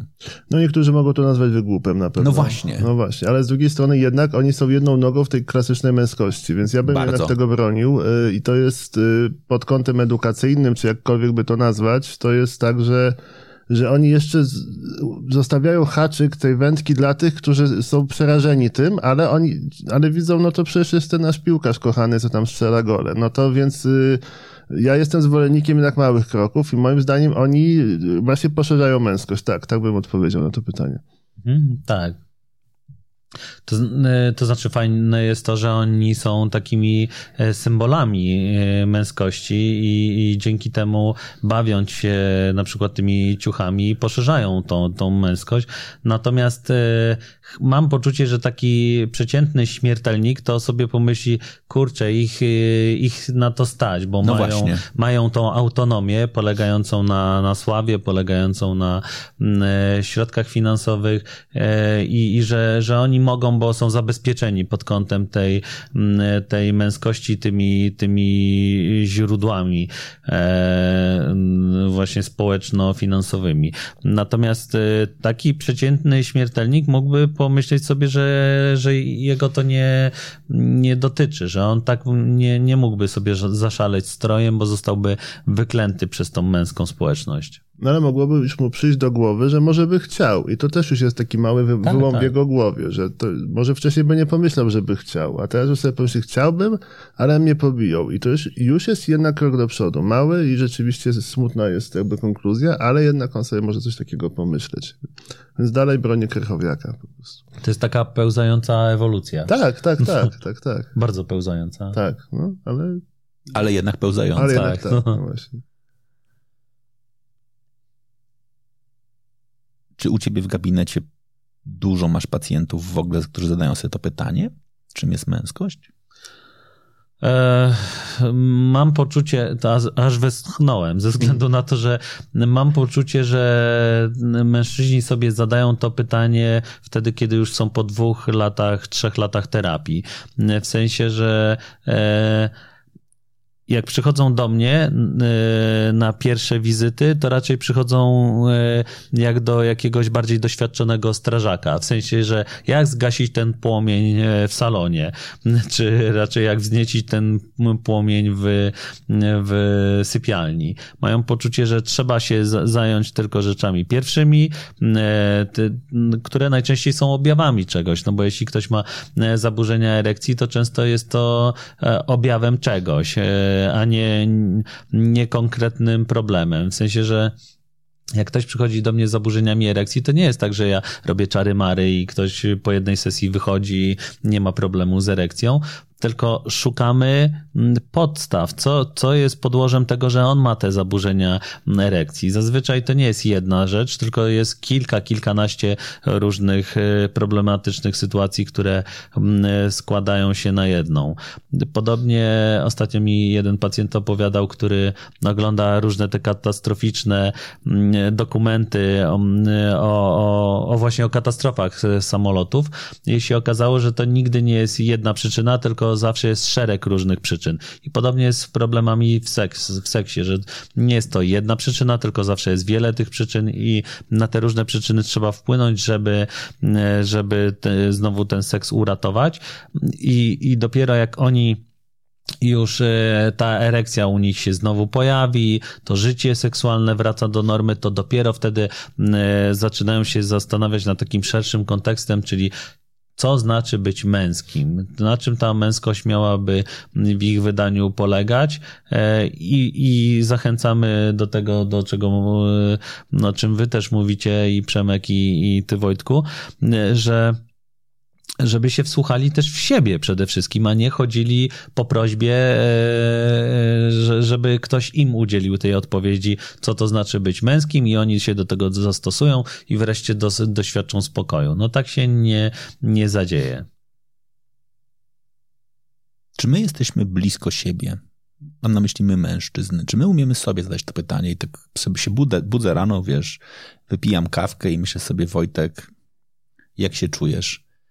Czy jestem w stanie sobie odpowiedzieć inne, inaczej, nie dobrze, źle, czyli takie, wiesz, klasyczne, zbywająca odpowiedź, tylko czuję się spójny, czuję się ok, czuję się męski, czuję się jakby w zgodzie ze sobą. No właśnie, ja mam poczucie, że rzadko który mężczyzna budzi się rano i pyta się, no dobra stary, co u ciebie? W sensie, mhm. u, co, co u mnie samego? Co, co się u mnie dzieje? A raczej ludzie się budzą z przerażeniem, o kurde, zaspałem, ja pieprzę, jak to teraz ogarnąć? Hmm. Mam to i tamto do, do zrobienia. No tak, ale z drugiej strony też w kontekście tego, o czym rozmawialiśmy, to chyba już najprędzej ta szczerość będzie wobec samego siebie, z samym mhm. sobą, niż wobec innych. Tylko pytanie, na ile to będzie szczerość i na ile będzie po tym miejsce na to, żeby to wybrzmiało. Czyli jeśli powiem, że nie jest ok, to żeby się zastanowić dlaczego, a nie na przykład zacząć kogoś oskarżać, albo oskarżać siebie, albo mówić, bo to, bo, bo pogoda, bo polityka i coś. Czyli jakby przyznać się, to jeszcze nie jest wszystko, ale też właśnie zastanowić się nad przyczynami tego. Więc jakby... Yy, ale i tak naj, mam wrażenie, że najszybciej sami przed sobą powiemy o pewnych sprawach niż przed innymi. Mhm. Natomiast mam poczucie, że my mężczyźni właśnie uciekamy w zadaniowość. Zamiast się spytać, co, co u mnie, co, co ja co ja teraz czuję, co ja myślę, e, co ja czuję w emocjach, w sensie, czy, czuję smutek, żal, złość, gniew, bezradność e, i w, ogóle co u mnie w wartościach, na co ja mam ochotę, jakie są moje potrzeby, pragnienia, mm, e, to raczej uciekamy w zadaniowość, co jest do zrobienia. I albo meldujemy się w pracy, albo jak jest weekend, meldujemy się u partnerki, kochanie, co, jaki masz plan na dzisiaj, co, co trzeba zrobić? No i patrzymy, czy mi się to wygrywa też w mój plan, ale nie pod kątem naszych potrzeb, tylko pod kątem naszych zadań. Czasu. Tak. Mhm. No tak, najczęściej to jest pytanie, budzę się rano, co mam do zrobienia dzisiaj, nie? A nie właśnie... Jak Trochę się jakbyś się budził w fabryce, nie? No tak. Pa patrzysz i kurde, o, dobra, to, dzisiaj to, tamto, no dobra, zrobię. Jak Truman Show, trzeba wziąć teczkę, wyjść, uśmiechnąć się, pomachać do sąsiada i tak codziennie i dopiero po 20 latach orientuje się, że cię nagrywają i to jest plan filmowy i to wszystko jest nieprawda. No właśnie, tylko pytanie, co jest prawdą, no, no właśnie. Czy każdy się odważy dopłynąć tam do końca tego, tego planu i tam wyjść z tej, z tej bańki. A właśnie, a y, czy zauważyliście, że y, czy w waszych życiach pojawiła się taka sytuacja, że na przykład usiadł z wami ojciec czy dziadek i spytał się synu czy wnuku, co u ciebie, jak ty się czujesz, jak byś chciał swoje życie pokierować, ale nie pokierować w sensie, które liceum z okolicznych wybierzesz, tylko, yy, tylko co cię wypełnia, jakie potrzeby, jakie pragnienia, nie mamy takich y, rozmów z innymi dojrzałymi mężczyznami w, w naszym takim życiu społecznym. Nikt z nami tak o tej głębi, o tym wnętrzu nie, nie rozmawia. To jest, jak, jak, jak się taka sytuacja pojawia, to jest jakieś kuriozum zazwyczaj. Czasami się pojawia sytuacja, nie wiem, jak mamy te lat 16 czy 18, przychodzi ojciec i pyta się, synu, stosujesz prezerwatywy. No i to, to, to, jest jedyna głęboka rozmowa często u wielu mężczyzn. No, donikąd nie prowadząca w sumie. Tak, ja zacząłem się śmiać, bo wyobraziłem sobie moją taką klasyczną rozmowę z moim ojcem, co tam u ciebie, więc nie ma mowy, że tam się czuję dobrze, gorzej, tylko praca jest, jest, zdrowie jest, jest. No a jak tam pogoda? No ciepło, albo zimno, albo coś tam i koniec, czyli dobrze, dobrze. I, i to są właśnie takie rozmowy, jak y, no, takie echo jakby w, w jakimś pustej przestrzeni. Czyli jakby one zmierzają do tego no. też, żeby się za, zapewnić, że jest dobrze. Mhm. Broń Boże, żeby ktoś nie powiedział, że jest niedobrze. No bo co wtedy? To nie? co wtedy? To już, no, okej, okay, jeśli jeszcze ojciec powie coś o zdrowiu, no to wiadomo, że jest w tym wieku, że to już się mieści w jakimś tam, no to iść do lekarza, tutaj jest taki, tam jest taki, coś tam. Żeby, żeby nie wyłamać się, czyli to te puste przebiegi. I tak, tak. I tak mamy te puste, właśnie, mamy te puste przebiegi z ojcami, bo to też jakby chodzi o to, że oni mieli ze swoimi ojcami i to jakby wracając do twojego pytania o to, jak się dzisiaj czujesz, no nikt nas nie nauczył tego po prostu, bo to jest właśnie jakaś taka kultura pustych przebiegów. No. A, a, też mam poczucie, że y, mężczyźni bardzo gaszą te rozmowy takie y, wewnętrzne, takie głębokie, bo jak na przykład opowiadasz y, swojemu ojcu o tym, że otwo otworzysz się, uchylisz tych drzwi do, do swojego pokoju i w sensie wewnętrznego i mówisz, że no mam problemy z partnerką, no to co zazwyczaj od ojca usłyszysz? No, życie, synu, życie, albo, no wiesz, takie baby są, te kobiety są takie, że zniszczą każdego mężczyznę, prędzej czy później. Jakby to, to są takie rozmowy, które się gaszą, kończą po, po jakiejś minucie, bo mm, e, nie ma takiej mm, rozmowy polegającej na tym, a, a co ty czujesz, co, co myślisz, a jak sobie ten związek układałeś, według jakich wartości, czy, czy spokoju, czy rozwoju, czy miłości, czy, czy pożądania, nie ma tej głębi. Więc my po prostu jesteśmy tacy kurcze, tak się, takie samorodki trochę w tej, w tej, w tej męskości e, i, i szukamy na zewnątrz tych wytycznych. E, no one są sprzeczne często, bo z kim się nie pogada, to, to, to zupełnie według innych wartości żyje i tacy się e, zagubieni często czujemy. Tak, tak, tak de facto pod tym, pod tą powłoką tego prężenia mózgów, tych dobrych aut i, i, i kariery, no to często jest taka, to, takie zagubienie po prostu. No tak, to mi się teraz skojarzyło, bo tej naszej książce Jak facet z facetem mówimy o tym, że geje właśnie, każdy gej zaczyna od początku, bo nie ma wzorca. I teraz jak, i zresztą kilka razy już też się spotkałem z takim feedbackiem, że to w zasadzie jest kondycja ludzka, ale tak naprawdę, no nie wiem czy ludzka, a na pewno męska. No w zasadzie niby są te wzorce męskości, ale to są właśnie jakieś takie puste dzwony po prostu, że tam nie ma, nie ma żadnej głębi. I no ja też miałem taką refleksję, jak pracowaliśmy nad sztuką obsługi penisa, że, że facet jest strasznie samotny jako facet. Jakby być może męskość polega na doświadczaniu jakiejś takiej potwornej samotności, z której się do końca sobie nawet czasem nie zdaje sprawy. I ona się później gdzieś tam objawia, kiedy ktoś się upije i wszczyna awantury, albo krzyczy, albo coś. Płacze. Płacze, tak właśnie. Tuż przed tym, zanim głow, twarz zanurzy w sałatce. Czy no, w no zupie, tak, nie? albo, albo walnie głową w ścianę, albo przywali komuś. Więc to jest jakiś taki rodzaj takiej rwanej ciągłości, że niby jesteśmy od tysięcy lat tymi facetami, którzy się rodzą w ramach tego gatunku ludzkiego, ale tak każdy się budzi i wyskakuje jak ten kurczak z tego jajka po prostu na bezludnej wyspie i sobie zaczyna wszystko od nowa po prostu. Więc y, dlaczego to kontinuum jest przerwane? Czy ono w ogóle istniało kiedykolwiek? I czy da się to zbudować? I to znowu wracamy do empatii, do czułości ale też właśnie na przykład do relacji facetów z ojcami. To jest bardzo ważne, że, że właśnie też tego, to jest bardzo rzadkie, że, że, że, żeby ta relacja była taka naprawdę głęboka i ja nie mówię partnerska, no bo to nie może być relacja partnerska, bo to jest ojciec, a to jest dziecko, ale żeby ona była może mentorska właśnie. Kurczę, a właśnie no. nie, wiesz co, ja, ja, myślę sobie, że są dwa wymiary. Tak? Znaczy, pierwszy wymiar to jest ten moment, w którym ja mam taką teorię, której się nauczyłem bardzo późno. Znaczy, mówiąc bardzo późno, mam na myśli dokładnie w ciągu ostatniego roku. E, odkryłem, że ja mam dwóch synów i to jest bardzo ważne. W ogóle w tym, w tym wszystkim to jest bardzo ważne. E, dodatkowo jeszcze jesteśmy rozwiedzeni z ich mamą, w związku z czym jakby ta, ta odpowiedzialność za wychowanie jest trochę inna. Tak? Na szczęście mamy opiekę naprzemienną, więc spędzamy ze sobą dużo czasu. Ale ja bardzo późno odkryłem, że wychowanie jest o poznawaniu. Znaczy, dla mnie wychowanie to poznawanie. Wychowanie to nie jest uczenie, tylko wychowanie to jest poznanie, poznanie swojego dziecka.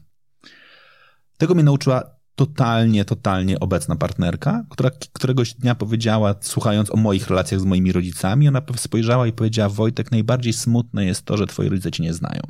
Mhm. Znaczy, że mi by było bardzo przykro, żebym była matką takiego fantastycznego faceta i nie miała pojęcia, kim on jest. Ja wtedy sobie pomyślałem, kurczę, muszę zrobić wszystko, żeby nigdy nie zbudować takiej relacji z moimi synami, żeby ta relacja była absolutnie od początku do końca oparta o to, że ja będę wiedział, kim oni są. I absolutnie wali mnie to, do której pójdą szkoły. To nie jest pytanie, co u ciebie. Nie interesuje mnie, jakie mają oceny. Znaczy, w takim sensie pogadajmy o tym, ale zejdźmy z tego tematu jak najszybciej. Tak, 3 plus, 4 3 plus, 4 mniej, mniej to mnie nie interesuje. Mhm. Mnie bardziej interesuje, jak dostajesz 4 minus, tak się z tym czujesz. W ogóle mnie nie interesuje ocena, tylko twój odbiór tej oceny, tak? Czy no czujesz się skrzywdzony, mhm. czy, czujesz, czy czujesz się potraktowany fair? Jeżeli jest nie fair, to co możemy z tym zrobić, jak tym zarządziłeś? Ale wiesz, to, to nie jest coś, co się, się pojawiło tak just like that pod tytułem tak, tak będzie, ale to jest taka silna potrzeba przerwania tego, e, tego elementu. I teraz moje pytanie, które się pojawia trochę, to jest pytanie do was. Czy wy macie poczucie, że my mężczyźni umiemy zdjąć maskę? Bo ja mam takie poczucie, że z jednej strony my mówimy, kurczę, tak, no przecież jak sobie poczytasz, nie wiem, fora internetowe, różne grupy, jestem w wielu męskich grupach, bo jakby zajmując się tematem męskości je obserwuję, tam ludzie mówią, wiesz, dzisiaj mam fajny wieczór, wieczór z ojcem, kupiliśmy kiełbasę, litr wódki, będziemy siedzieli, no będziemy siedzieli wieczorem, tylko nie dość, że ten, ta, ta wódka jest regulatorem emocji, która w ogóle ma nam po, po pozwolić się, się otworzyć, ale na koniec dnia wiem, że, ta, że ta, ta rozmowa będzie po prostu nakładaniem kolejnej maski, tak, prężeniem mózgu, znaczy absolutnie jakby ten element jakby bardzo rywal, rywalizacyjny, a nie pod tytułem usiądźmy, poznajmy się, pogadajmy i co najważniejsze zaakceptujmy. Czy ja mam takie poczucie trochę, że my się boimy zadawać pytania, bo się boimy, że nie zrozumiemy, to jest tak, że jak zadałeś to pytanie o zdejmowanie maski, od razu się powiedzieć, tak, przypomniał mi się film na Rauszu, ale przecież właśnie oni tam piją. No mhm. i później o ten ojciec z kiełbasą. No, y, jeśli w grę wchodzą jakieś używki albo okoliczności imprezowe, to pewnie tak, do, do, ale ona jest sama zdejmowana, przy, przy, mhm. ale też nie do końca, bo to zazwyczaj o tym się nie pamięta. Później co się wydarzyło w Vegas, to zostaje w Vegas. Mhm. Y, to jest bardzo trudne właśnie przeprowadzić z kimś rozmowę, nawet z kimś bliskim, nie spodziewają się odpowiedzi, będąc przygotowanym na to, albo odbierając nagle taki, taką odpowiedź, która wytrąca nas z tego właśnie, z pewności tej relacji, albo z, naszej, z pewności naszego obrazu tej osoby. I ja mam wrażenie, że oczywiście to jest takie umieją, nie umieją, a skąd pan wie, no przecież nie ma badań, ale no chyba, chyba nie umiemy, tak? Że raczej nawet takie spotkania towarzyskie z osobami, z którymi się zna powiedzmy lepiej niż powierzchownie, ale nie przyjaźni, to one polegają na byciu w takiej grzecznej, przewidywanej przestrzeni, co tam u ciebie, aha, mhm. aha. E, pytanie, czy chcemy zdejmować te maski, ale z tego wszystkiego, co dzisiaj mówimy, wynika, że to jest wręcz rozpaczliwie konieczne, żeby wreszcie mhm. je pozdejmować. Mhm. No ja mam takie doświadczenie jako psychoterapeuta, seksuolog, seksuolog w gabinecie, że wielu mężczyzn y, nie potrafi zdjąć maski, nie chce zdjąć maski, ale przy, przecież u mnie, żeby e, do, doświadczyć zmiany w gabinecie, żeby ta seksualność ich e, wreszcie była satysfakcjonująca, radośnie przeżywana, to konieczne jest zdjęcie tej maski ze względu na to, że to ta maska często e, prowadzi do tego, że, że z, y, trafiła się u nich ślepa uliczka. W sensie to, to, to przyrośnięcie tej maski do, do twarzy powoduje y, taką samotność, bezradność, bezsilność y, i to, to jest kompletnie droga bez wyjścia. I widzę z jakim trudem ci mężczyźni w gabinecie zdejmują tą maskę, cały czas mając takie poczucie, że jak zdejmę tą maskę, to to ten y, mój terapeuta zobaczy nic, w sensie zobaczy mhm. brak twarzy. I chyba to ich przeraża, w sensie, że, mm, że zdejmę maskę i się okaże, że nie mam żadnej innej y, czy maski, czy twarzy, toż, tożsamości. W sensie, że nie mam tej męskości, że bez tej maski będę niewidoczny, albo jeszcze bardziej będę samotny. To ich wypełnia, ta, ta, taki lęk przed taką pustką. Ja sobie uświadomiłem, że zawsze w tych filmach o superbohaterach, którzy byli w tych maskach, najbardziej mnie interesowały wątki prywatne. Jak on mhm. sobie latał i, i, ratował świat, to było mniej, mniej istotne niż kiedy on właśnie był tam swoją prywatną osobą przeżywającą rozmaite okoliczności. Mm, no my chyba jednak idziemy na filmy o superbohaterach i patrzymy, jak, jak badają świat, zbawiają świat, a może i badają. I chyba te, tego też chcemy od ludzi właśnie, żeby właśnie to było takie efektowne, ale, ale też nie wiem, no bo skoro ja nie chcę, no to może więcej osób nie chce, tylko może po prostu nie wszyscy o tym mówią właśnie. No, mnie, mnie interesuje to, to, to pod maską na przykład, no, ale to trzeba też być gotowym, żeby to zdjąć, bo wiadomo, czym to się wiązało do naszych superbohaterów, że woleli się nie ujawniać. Ale to, no właśnie, może dlatego, że woleli się nie ujawniać, bo jakby się ujawnili, to by to zagrozi, za, za, zaburzyło ich poczucie bezpieczeństwa, tak? Znaczy, bo to jest dokładnie ten moment, my nie możemy wiedzieć, kim jest Zorro, my nie możemy wiedzieć, kim jest Batman prywatnie, my nie możemy wiedzieć, kim jest Superman prywatnie, bo te siły zła mogą go napaść. Mhm. Czy to nie jest tak, że my dokładnie jako faceci sobie mamy jakieś wyimaginowane siły zła, które mogą nas dopaść, że jeżeli zdejmiemy maskę, to coś nam zagrozi. No oczywiście. To znaczy w ogóle jak, jak rozmawiacie o tych superbohaterach, to mi się przypomniały ostatnie części Spidermana, gdzie kwestią jest zdejmowanie maski. Ja to rozumiem w sposób bardziej taki symboliczny, mhm. no bo on zdejmując maskę e, sporo kłopotów e, e, u niego w życiu się pojawiło i myślę sobie, że niektórzy mężczyźni, czy może większość właśnie mężczyzn ten, ten film odbierze jako e, ostrzeżenie, jako przestrogę przed zdejmowaniem maski, bo, bo sporo różnych e, przykrych rzeczy tam się wydarza. E, natomiast z takiej perspektywy psychoterapeutycznej, seksuologicznej, to ja mam poczucie, że to jest jedyna droga do, do relacji, do bliskości, do, do satysfakcji. Ta, ta maska w którymś momencie poczujemy jej ograniczenia że, że ona jest z plastiku i ona nie oddycha, że jest nam gorąco pod nią, że y, mamy w tej mas masce takie małe szparki, przez które patrzymy na świat i nie możemy, nie widzimy pełnej, y, pe pełnej perspektywy tego świata. To jest trudne.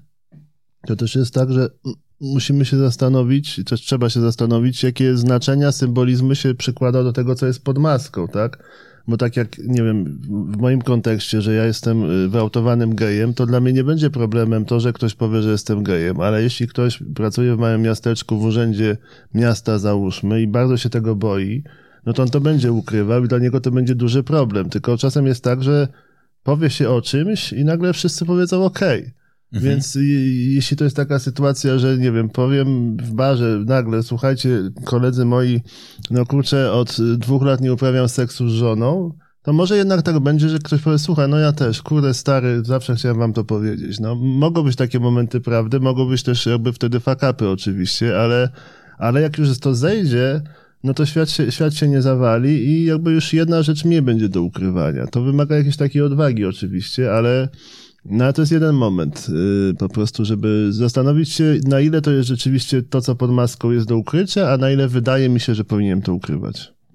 Czyli te słabości, bo chyba głównie o słabości chodzi. A jaka są, jakie są różnice między kobietami a mężczyznami, jeśli chodzi o rozmowy o seksie? Wiemy już, że mężczyźni nie rozmawiają, kobiety rozmawiają. Tak, e, ale pytasz, y, kiedy one rozmawiają między sobą, tak. czy kiedy rozmawiają z y, seksuologiem? Nie, między sobą. E, ja mam poczucie, że fajną robotę robią tak zwane waginalia, czyli że kobiety się umawiają na wino i sobie opowiadają właśnie o różnych zjawiskach w seksuologii, czyli o mokrych orgazmach, o w ogóle orgazmach, e, o, o, o braku pożądania w związku, e, o, o tym, jak, co, co zrobić, żeby nie doświadczać dyspareunii, czyli bólu podczas stosunku. Mam poczucie, że e, kobiety z znacznie większą szczerością rozmawiają o, no, o tym seksie. I jak spotkają się cztery przyjaciółki i dwie są takie bardziej wyrywne, łatwiej opowiadają o, o, o seksie, to już na trzecim, czwartym spotkaniu, czwart, na, na takim, na czwartych waginaliach, to te dwie, które były takie wycofane, one się otwierają, one opowiadają. A w środowisku mężczyzn, jak czterech facetów się spotyka właśnie na piwo, jeden jest bardziej wyrywny i opowiada o seksie, to zazwyczaj ten jeden po prostu tylko... Jest niezapraszany więcej. tak, może tak być. Się pręży muskuły, nie, mu, nie, raczej nie mówi o seksie w taki sposób realny, w sensie to nie pokazuje tej ciemnej strony księżyca, e, a, ale jak już e, pójdziemy na przykład tą drogą, że że e, tych dwóch na przykład pozostałych zacznie się otwierać, to ten jeden i tak może być takich piw, e, w sensie takich spotkań na piwo 5, 10, 15, on się raczej może nie otworzyć. Innymi słowy, w przypadku kobiet to, to one wszystkie w pewnym momencie zaczną e, się otwierać i szczerze rozmawiać o tym seksie, a w męskiej grupie to, e, to są e, mężczyźni tak zatwardziali w niemówieniu tej prawdy, w nie, nie dochodzeniu do takiej szczerości, że zawsze któryś o, o różnych rzeczach nie, nie powie. No ja widzę to po prostu podczas psychoterapii, że dopiero po kilku latach terapii do, ktoś mi mówi coś ultra ważnego, co by po prostu zmieniło dynamikę terapii zmieniło w ogóle bez życie tego, tego mojego pacjenta, gdyby on mi powiedział o, o czymś wcześniej, o, czyli o doświadczeniu molestowania, czy, czy o tym, że on właśnie od kilku lat nie uprawia tego seksu, czy że ma stulejkę, o różnych takich rzeczach kluczowych. No są te wspólnoty męskie, teraz coraz częściej się o tym słyszy. Ja mhm. nigdy nie doświadczyłem tego, więc nie wiem, jak to działa, ale wiem, że działa, bo mam kolegów, którzy mhm. w, tym, w tym uczestniczą. I z jednej strony można na to spojrzeć w ten sposób, że okej, okay, są wspólnoty, czyli to jest coś wyjątkowego i o tym się mówi, ale przypomniałem sobie, że przecież te wspólnoty kobiece to też nie jest jakaś taka rzecz bardzo stara. To, to jest czas chyba lat 90., że były te monologi waginy. Mhm. Pamiętam, że był taki film Smażone zielone pomidory, który mhm. też mówił na ten temat. I wtedy się mówiło, słuchajcie, róbmy babskie wspólnoty, rozmawiajmy o różnych sprawach, tak, przeglądajmy się tam sobie w lusterku i tak dalej. Więc jest nadzieja może przez te wspólnoty na wypracowanie jakiegoś języka, że rzeczywiście może w grupie kumpli nie otworzę się, ale mogę iść na jakieś spotkanie gdzieś właśnie na jakąś czułą męskość, czy to, to rozmaite nazwy są tych wspólnot. Tak. I może tam się odnajdę i, i, może tam się otworzę i nauczę się mówić. Na, natomiast jakby ktoś dzisiaj zaczął googlować y, i sprawdzałby ile jest kręgów kobiet, y, ty, tych różnych takich grup, y, które mają na celu spotkanie się i porozmawianie o życiu, kobiecości i tak dalej, a ile jest takich męskich grup, to myślę sobie, że tych męskich w porównaniu do kobiecych to jest może 5%. 90, 95% to są grupy kobiece.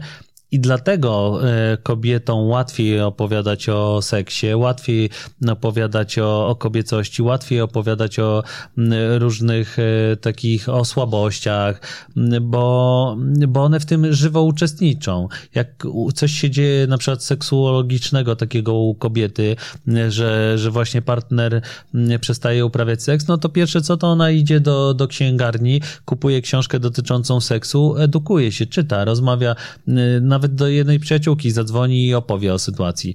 A my, no to my mężczyźni, no to raczej albo googlujemy, a większość to czeka, aż, aż samo się rozwiąże. Przypominają mi się te badania u mężczyzn y, na grupie kilku tysięcy mężczyzn y, było takie badanie, spytano się, e, jeśli w Twoim związku pojawiłyby się problemy z seksem, to, to czy byś zareagował, czy byś coś zrobił z, z tym. I tylko 8% stwierdziło, że tak, że, że poczytałbym coś albo poszedł do specjalisty. 92% mężczyzn stwierdziłoby, że nie, że nie, że nie chcą. Więc to, to jest gigantyczna populacja, która nic nie zrobi z tematem. Jak słucham tej rozmowy, myślę sobie, że my też trochę jesteśmy temu winni. Znaczy my Jednakże mimo wszystko szeroko rozumieni twórcy w różnych obszarach, że jak dokładnie pracuję nad tematem męskości, to mamy bardzo dużo jednakże mocno stygmatyzujących określeń. Tak, mamy to, co ty powiedziałeś, bardzo mocno dzisiaj pojawiająca się toksyczna męskość i w ogóle termin toksyczna męskość jest dzisiaj bardzo mocno wybijającym się. Ja uważam, że hasło kryzys męskości jest w ogóle masakryczne, bo ono trochę, ludzie nie rozumieją słowa kryzys i ludzie nie rozumieją, że słowo kryzys to jest przemiana, a nie załamanie. Tak, nie zapaść. Tak, znaczy, że, że kryzys ja zawsze będę, ja będę tłumaczył, to jest ta energia, która powstaje na połączeniu dwóch stykających się pla platform przestrzeni, światów i kryzys jest po prostu cudowną energią zmiany i ona jest ważna a ludziom się wydaje, że kryzys to jest zabranie czegoś, to jest ten negatywny czynnik. No Zbombardowanie. Rzadko no. kiedy mówimy o kryzysie w kategorii mm. pozytywnej, tak? I jakby, i, i dlatego na przykład ludzie tak bardzo się boją tego, jak nie wiem, mój ulubiony portal jednakże biznesowy, tam mam takie przekonanie, że tam są trochę, trochę mocniejsze rozmowy, to tam wrzuć hasło kryzys męskości, to ci zaraz napadną ludzie w garniturach, którzy będą ci mówili, jaki kryzys męskości, o czym ty mówisz, spójrz na Ukrainę, to jest najlepszy dowód tego, że nie ma kryzysu męskości, tak? Ja myślę, kurwa, znaczy, jak można mówić w ogóle o sytuacji wojennej, która jest dowodem na cokolwiek, tak? Znaczy, no znaczy jakby ten temat w ogóle jest jakiś, jakiś chory. A myślę sobie, że my, może jest ten moment, żebyśmy zaczęli mówić o tym, o rozszerzaniu pojęcia męskości, bo my trochę mówimy dokładnie o tym, że ona się powinna zmienić, a może w ogóle to nie jest o tym, że ona się powinna zmienić, tylko ona się powinna rozszerzyć. Znaczy może powinniśmy sobie powiedzieć, że okej, okay, męskie jest jak chcesz i uważasz, że chłopcy mogą się bić, jakkolwiek gdzieś można sobie powiedzieć, dobra, nie wiadomo po co, ale skoro mają tą potrzebę, że po lekcjach za górką, to może pozwólmy im na to i powiedzmy sobie, okay, po lekcjach za górką, ale to może nie jest jedyna definicja, tak? Jeżeli ktoś chce po lekcjach w kwieciarni, to też może być po lekcjach w kwieciarni, tak? I, i, i w ogóle nie ma takiego, takie, takie, takiego obszaru. Znaczy, kurczę, słuchając tej rozmowy, ale też dużo czytając, im, im coraz bardziej jakby z każdą kolejną rozmową jestem przekonany, że może powinniśmy w ogóle wywalić słowo męskość. I teraz mówię nie, jako przymiotnik, tylko jako po prostu, kurczę, zbiór pojęciowy. No właśnie, dlatego mnie ten kryzys męskości nigdy nie przerażał jakoś, no Mhm. bo przecież można odrzucić męskość i zostać nadal mężczyzną i Mhm. absolutnie zgadzam się z tobą, że jak chcą się bić, to niech się biją, jak chcą malować sobie paznokcie, to niech sobie malują, jak chcą sobie pomalować paznokcie i się pobić, też mają do tego prawo. Właśnie o to chodzi, że moż, można wszystko. Dopóki... Byleby się już wtedy za włosy nie szarpali. No nie, no już bez przesady, bo będzie, będzie, będą świeże pasemka prawdopodobnie. No więc, y, więc, y, więc o to chodzi, żeby po prostu sobie nie szkodzić, sobie mam na myśli siebie, ale też sobie wzajemnie i, i robić co się chce. I to dotyczy kobiet, kobiet mężczyzn, osób, które się nie, nie identyfikują w żaden sposób i, no i nawet kurczę naszych relacji ze zwierzętami. No więc, więc jakby to... Z wyjątkiem tego kota z wyrola, Kot- która, który się kot- przygląda. Kot niech sobie wyjdzie z sypialni, tak. No. Jemu zamykamy drzwi jednakże. Tak, tak, ale- Chyba, że lubimy, żeby ktoś na nas patrzył. No. No to, to wtedy tak, tylko nie wiadomo, co tutaj seksuolog by powiedział o zoofilii. No w każdym razie, w każdym razie to by było piękne. No właśnie uwolnimy się od tego wszystkiego, co trzeba, co nie trzeba i, i, i tyle. Więc y, oczywiście toksyczna męskość to brzmi jak taka łatka, która jest nalepiana, ale no ja, ja do tego nie mam żadnego stosunku, mogę tego używać, no bo, bo mnie to nie obchodzi. Niech sobie będzie toksyczna, bo ja jestem sobą po prostu. Właśnie. Popieram. O. Czy jesteś mną? Ty powiedziałeś, kocha, lubi, zdradza. Czym jest zdrada? Dla mężczyzny. E, To myślę sobie, że il- ilu mężczyzn to e, też e, tyle pojęć, tyle definicji zdrady. Natomiast mm, ta Esther Perel, ona uważa, że zdrada jest nową tożsamością, w sensie na, nabyciem jej. Że ktoś jest na przykład zmęczonym e, życiem e, tatą i niskobudżetowym pracownikiem i zdradza, bo chce właśnie się poczuć super bohaterem, albo bo, bo chce e, doświadczyć młodości. I widzę, że, że e, to mi się często w gabinecie prze, przejawia jako taki e, główny motyw zdrad, że ludzie chcą nadać sobie inną tożsamość. E, może, może właśnie poczuć tą inną męskość. A może założyć inną maskę? Tak, no myślę sobie, że, że e, pewnie też inną maskę, no bo e, to dla, z ich perspektywy to chodzi pewnie o tożsamość, ale tak naprawdę to maskę, no bo e, te zdrady często e, sponsorowane fenyloetyloaminą, tym hormonem podobnym e, składem do amfetaminy, e, no to działają tylko na, na chwilę, na, Mhm. na, na rok, na, pół, na półtora, więc często to jest zupełnie inna maska. Natomiast u niektórych zostają do, doświadczenia z tej y, zdrady, bycia innym człowiekiem i one się krystalizują w trochę inną męskość, w sensie posze- poszerzają tą męskość. To, to oczywiście to nie jest tak, że ja zachęcam do, do zdrady e, że, że i, i, jestem tu promotorem zdrad. E, Ra, raczej po, pokazuję, jaki jest mechanizm tego. E, Każdy sobie sam zdecyduje, czy ma ochotę to, to robić, czy nie.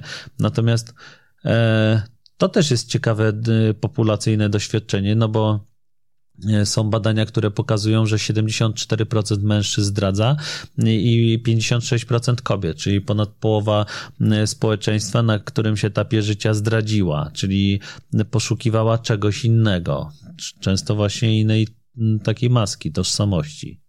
Ważne o tym powiedziałeś, bo jakby Michał Pozdał kiedyś w rozmowie powiedział jedną bardzo ważną rzecz. Powiedział, Wojtek, pamiętaj, że zdrada jest demokratyczna. Jeżeli byśmy przyjmowali, że tylko zdradzają mężczyzny, źli, to oni w większości byliby gejami, tak? Znaczy oni z kimś muszą zdradzać. Tak, tak. W związku z czym to, i to nie jest tak, że jest tylko, nie wiem, jedna kobieta, z którą można zdradzać i te 73% akurat trafia na nią. Czym, czym, czym, czym różni się motyw zdrady mężczyzny od motywu zdrady kobiety? Ja widzę, że kobiety to często zdradzają wtedy, kiedy chcą już zamknąć tą relację, w której są obecnie. e, czyli to, tak zdradzają raczej na zakładkę. Mm, a, a widzę, że wielu mężczyzn zdradza w ten sposób, E, w jaki opisuje to seksuologia ewolucyjna, czyli chodzi o to rozdawnictwo genowe, że mm, e, nowa kobieta to, ta, to taki symbol zapłodnienia kogoś nowego, e, to doświadczenie nowej ekscytacji. Mm, I, i widzę, że, że to, to jest taka różnica, że, że ci mężczyźni to znowu chcą sobie coś udowodnić. Mhm. A to jest ciekawe z tym udowadnianiem, bo jak tak mówiliśmy o tych maskach, które ktoś nosi, no to nagle taka zdrada może być przez tego człowieka na poziomie świadomym albo nie, takim robieniem swojego na swoich własnych zasadach. Yy, nikt niczego ode mnie nie oczekuje, ja wreszcie robię coś sam po prostu. Czyli jakaś taka próba odzyskania kontroli albo udowodnienia sobie, że ma się kontrolę nad swoim życiem. Trochę jak z, nie wiem, samookaleczaniem, może to zbyt drastyczne porównanie, ale ale to może być też tak właśnie, że hmm. jeśli ktoś już funkcjonuje w tej relacji i jest w niej jakoś tak, czuje się uwikłany i, i, i, taki właśnie przymocowany do niej, jak ten motylek tam w tym klaserze, no to nagle zrobi coś tak pokątnie, aha, okej, okay, jeszcze mogę, jeszcze mogę zrobić coś sam dla siebie. Oczywiście to, to, to jest y, w jakimś sensie destrukcyjne, no ale jest. Mhm. Można tak to interpretować moim zdaniem. Tak. E, e, ja od pewnego czasu ćwiczę boks i jak... Y, czyli jednak, czyli jednak ty jesteś po tej stronie, że po, po lekcjach za górką, a nie w kwiaciarni. tak, tak. Natomiast y, jak ćwiczę ten boks, to poznałem kilkudziesięciu różnych zawodników boksu, MMA i tak dalej. I oni na przykład opowiadają właściwie jak jeden mąż. W sensie mają taki wspólny, wspólny wspólny mianownik, że opowiadają, że e, te partnerki ich to często są kobiety, które dokręcają śrubę, które właśnie mają różne wymagania e, i mm, czasami przy nich oni się nie czują tak męsko, jakby chcieli się czuć. E, I czasami czują, że, że jest te, te ich te oczekiwania, które partnerki nakładają na nie są bardzo takie wygórowane.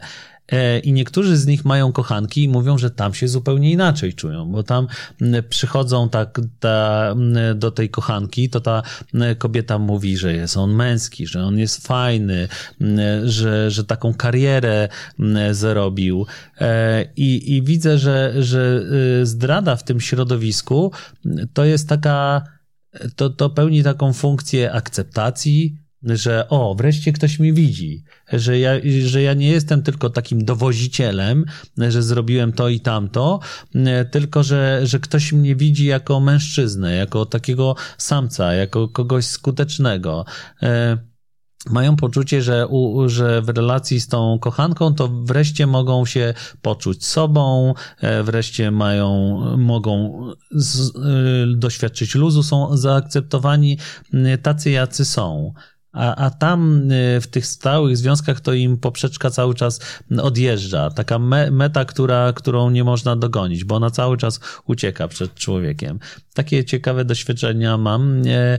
To, to oczywiście nie jest, nie jest standard, bo ja, bo ja poznałem ich, y, ich y, stosunkowo niewielu w porównaniu do populacji jakby tego kraju, ale, ale taki, taki mechanizm zaobserwowałem. To nie jest tak, że jeżeli chcielibyśmy, co według mnie to jest w ogóle bardzo ważne i co wpadło w pierwszej audycji otwierającej ten, ten cykl rozmów, że męskość to również lojalność. Trochę przeciwstawne te, te, te, te, tego. A lojalność do kogo? Do siebie, do partnerki, do partnera, do związku.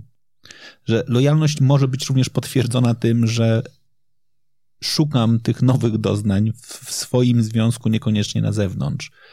To może dokładnie jest o tym, od czego wyszliśmy. Kurczę, że może lepiej usiąść i powiedzieć o tym, ej, ty słuchaj, czuję, że mi meta odjeżdża. Hmm. Może trochę spuśćmy oczekiwań, bo, bo, to, bo, bo, bo to jest nawet ekonomicznie nieuzasadnione. No już jakby to rozdawnictwo genów, to tam myślę sobie, że w dzisiejszym świecie to już wszyscy wiemy, że to też nie, nie, nie tylko o to chodzi. Natomiast bo po prostu ekonomicznie się spalam. No na koniec dnia po prostu jakby może to można załatwić poprzez po prostu otwartą rozmowę. I znowu wracamy do, do tematu komunikacji, że ona leży w polskich domach. No dobra, i to jest, ja trochę o to pytam. Na którym etapie rozwojowym my, mężczyźni, gubimy zdolność komunikacji? Pytanie, czy my ją na którymś etapie nabywamy? No właśnie. No ale tak, ale to chyba rzeczywiście no, musimy ją mieć, no bo y, jakby każdy gatunek y, zwierząt się komunikuje w jakiś sposób, więc my też musimy z czymś się rodzić i, i, i no, oczywiście to jest też proces y, socjalizacji, więc te zwierzęta też się uczą od siebie. Tak samo my się czegoś uczymy i no właśnie, w którym to jest momencie, też, też nie wiem, ale to jest tak, że zaczynamy się czegoś uczyć i na pewno zaczynamy się uczyć tej komunikacji, bo to jest jakby podstawą przetrwania gatunku, jedną mhm. z ale nagle zaczyna się to zaburzać. To znaczy, nagle ta komunikacja staje się bardziej jak system znaków, zakazu, nakazu, wstępu, występu, a nie, a nie właśnie takiej, takiego wejścia do siebie. Więc może, może ta komunikacja leży w tym sensie, że ona jest powierzchowna. Może my się uczymy po prostu zbyt powierzchownej komunikacji, a nie, nie że czegoś tracimy, tylko za mało się uczymy mi przyszła do głowy taka metafora e, poruszania się, w sensie to, tą komunikację bym przyrównał do tego, że my ludzie nauczyliśmy się e, czołgać, później nauczyliśmy się raczkować, co po niektórzy nieźle chodzą, w sensie e, mają taki krok jak, jak tancerz czy jak pantera, e, a rzadko kto biega i skacze. W sensie, że, że mm, przyrównałbym tą komunikację do takiej ewolucji w, w chodzeniu, korzystaniu z, na, z naszych nóg, że mało kto potrafi zrobić salto w miejscu, mm, albo szpagat, e, albo, albo pobiec bez zadyszki, bez kontuzji, że, że raczej w tym, w tą stronę to widzę, że to nie jest tak, że mm, e, raczkujemy, chodzimy, biegamy i nagle po prostu jest wypadek, niepełnosprawność, tylko mam poczucie, że mm, e, w tej komunikacji nie nabywamy kolejnych wyższych faz rozwojowych. Też może być tak, że pierwszy raz, kiedy słyszymy zdanie nie masz się, jesteś chłopem, to może być ten moment, kiedy ta komunikacja jest za, zamykana. No bo nie masz się, to znaczy nie otwieraj się, nie pokazuj swoich emocji i tak dalej, i tak dalej. Kiedy to się słyszy, pewnie każdy to słyszy w innym wieku, ale zakładam, że to pewnie w okolicach jakiegoś szóstego roku życia, piątego. Gdzie tak jakby ta szkoła, która robi dużo dobrych rzeczy, też robi dużo złych i być może to jest jedna z tych właśnie wad, wad tej naszej socjalizacji po prostu. Ty teraz dotknąłeś o ważnej rzeczy. Ja sobie przypomniałem dokładnie końcówkę tego roku szkolnego, kiedy odbierałem podręczniki szkolne, bo już moje dzieci były na wakacjach i pani napisała, że muszę przyjechać i opróżnić szafkę. Więc przyjechałem opróżnić szafkę i akurat jak wszedłem do klasy mojego starszego syna, to spotkałem tam jego wychowawczynię, która korzystając z okazji e, postanowiła mi powiedzieć kilka ważnych uwag na temat dziecka i powiedziała, Panie Wojtku, musimy się razem tutaj skupić na tym, żeby już w przyszłym roku pana syn się, że tak powiem, bardziej przyłożył, szczególnie do zachowania, bo już tutaj dobrze byłoby, żeby miał to tam świadectwo z, pas, z paskiem i to świadectwo, żeby mieć to, musi mieć lepsze wychowanie, zachowanie. Ja spojrzałem powiedziałem, że znam, znam tego syna, więc trochę go znam. Więc my, ale co z tym zachowaniem? Lepiej byłoby, żeby on częściej się ugryzł w język. Ja już mu to mówiłam, bo on, bo on często dokładnie komentuje różne wydarzenia. Hmm. Sobie pomyślałem, co? Znaczy, wtedy już musieliśmy się trochę pokłócić, ale ja sobie pomyślałem, że kurczę, to jest chyba znowu ten element związany z definiowaniem płci, że jakby dziewczynka się na lekcji odzywała, to w mniejszym stopniu dostanie łatkę przeszkadzającej, a bardziej dostanie łatkę niezależnej, odważnej, gotowej, wspierajmy te zachowania, co jest bardzo dobre. Znaczy, super, super fajnie, że mówimy, że wspierajmy te zachowania. I chłopak, który się odzywa na lekcji niepytany, jest w naturalny sposób sprowadzany do tego gościa, który przeszkadza, wyraża swoje zdanie i tak dalej. A to, że wyraża swoje zdanie, pewnie powinno być tym elementem, ej, to, to dobrze, znaczy, skoro o czymś mówisz, to znaczy, że to jest dla ciebie ważne. A skoro jest dla ciebie ważne, to mów o tym, bo za 20 lat będzie ważne dla ciebie to, żeby powiedzieć w relacji, w związku, że czegoś ci brakuje i będziesz ugniatał i wtedy będziesz miał z tyłu ten głowy, no tak, ale ja chcę mieć swój czerwony pasek w małżeństwie, to lepiej się ugryzę w język i zamknę. No właśnie, nie powiem tego, co mi się nie podoba. To jest tak, że ja często jeżdżę pociągami i tam są te nalepki na szybach, nie wychylać się i to jest jakby chyba ta definicja właśnie tego, tego funkcjonowania w ten sposób. E, I to jest jakby problem chyba, może można to podzielić na płcie, ale to jest chyba problem szkoły właśnie, no ale, mhm. no, ale załóżmy, że jeśli już iść, iść tropem chłopaka, no to właśnie no nie odzywaj się, yy, siedź cicho, to, yy, to ciszę budziesz, dalsze jedziesz, jest takie powiedzenie rosyjskie, mhm. pewnie yy, zły akcent, ale to mniejsza z tym. tak czy owak, no i to jest jedna z tych rzeczy, które no, kastrują, to znowu za mocne słowo, ale ucinają po prostu, przycinają, przy, przyciszają. Tłumią. Tak? Tłumią, no właśnie. I to, I to jest toksyczne, że użyję tego ulubionego słowa nas wszystkich teraz właśnie. Ale y, być może ta toksyczna męskość jest odpowiedzią na tą toksyczność y, zewnętrza, środowiska właśnie. Z czym byście chcieli zostawić tę audycję? Ja z tym, y, żebyśmy my mężczyźni dawali sobie prawo do do takiego wglądu, do, do kontaktu z sobą, w sensie, żebyśmy mm, nie szukali na zewnątrz tych wskazówek, e, jak funkcjonować, w sensie nie podchodzili do każdego mężczyzny i pytali się, powiedz mi stary, jak mam żyć, e, tylko żebyśmy też e, spojrzeli na to, czy przede wszystkim na to, żebyśmy spojrzeli, jakie są nasze potrzeby, mm, pragnienia, wartości, fantazję, nadzieję, żebyśmy y, z taką otwartością i ufnością zajrzeli w siebie, że to, co tam znajdziemy, to jest dobre, jest potrzebne y, i na pewno jest potrzebne do tego, żeby fajnie funkcjonować w związku, bez względu na to, jakiej jesteśmy mm, orientacji i żebyśmy fajnie funkcjonowali też z innymi mm, ludźmi.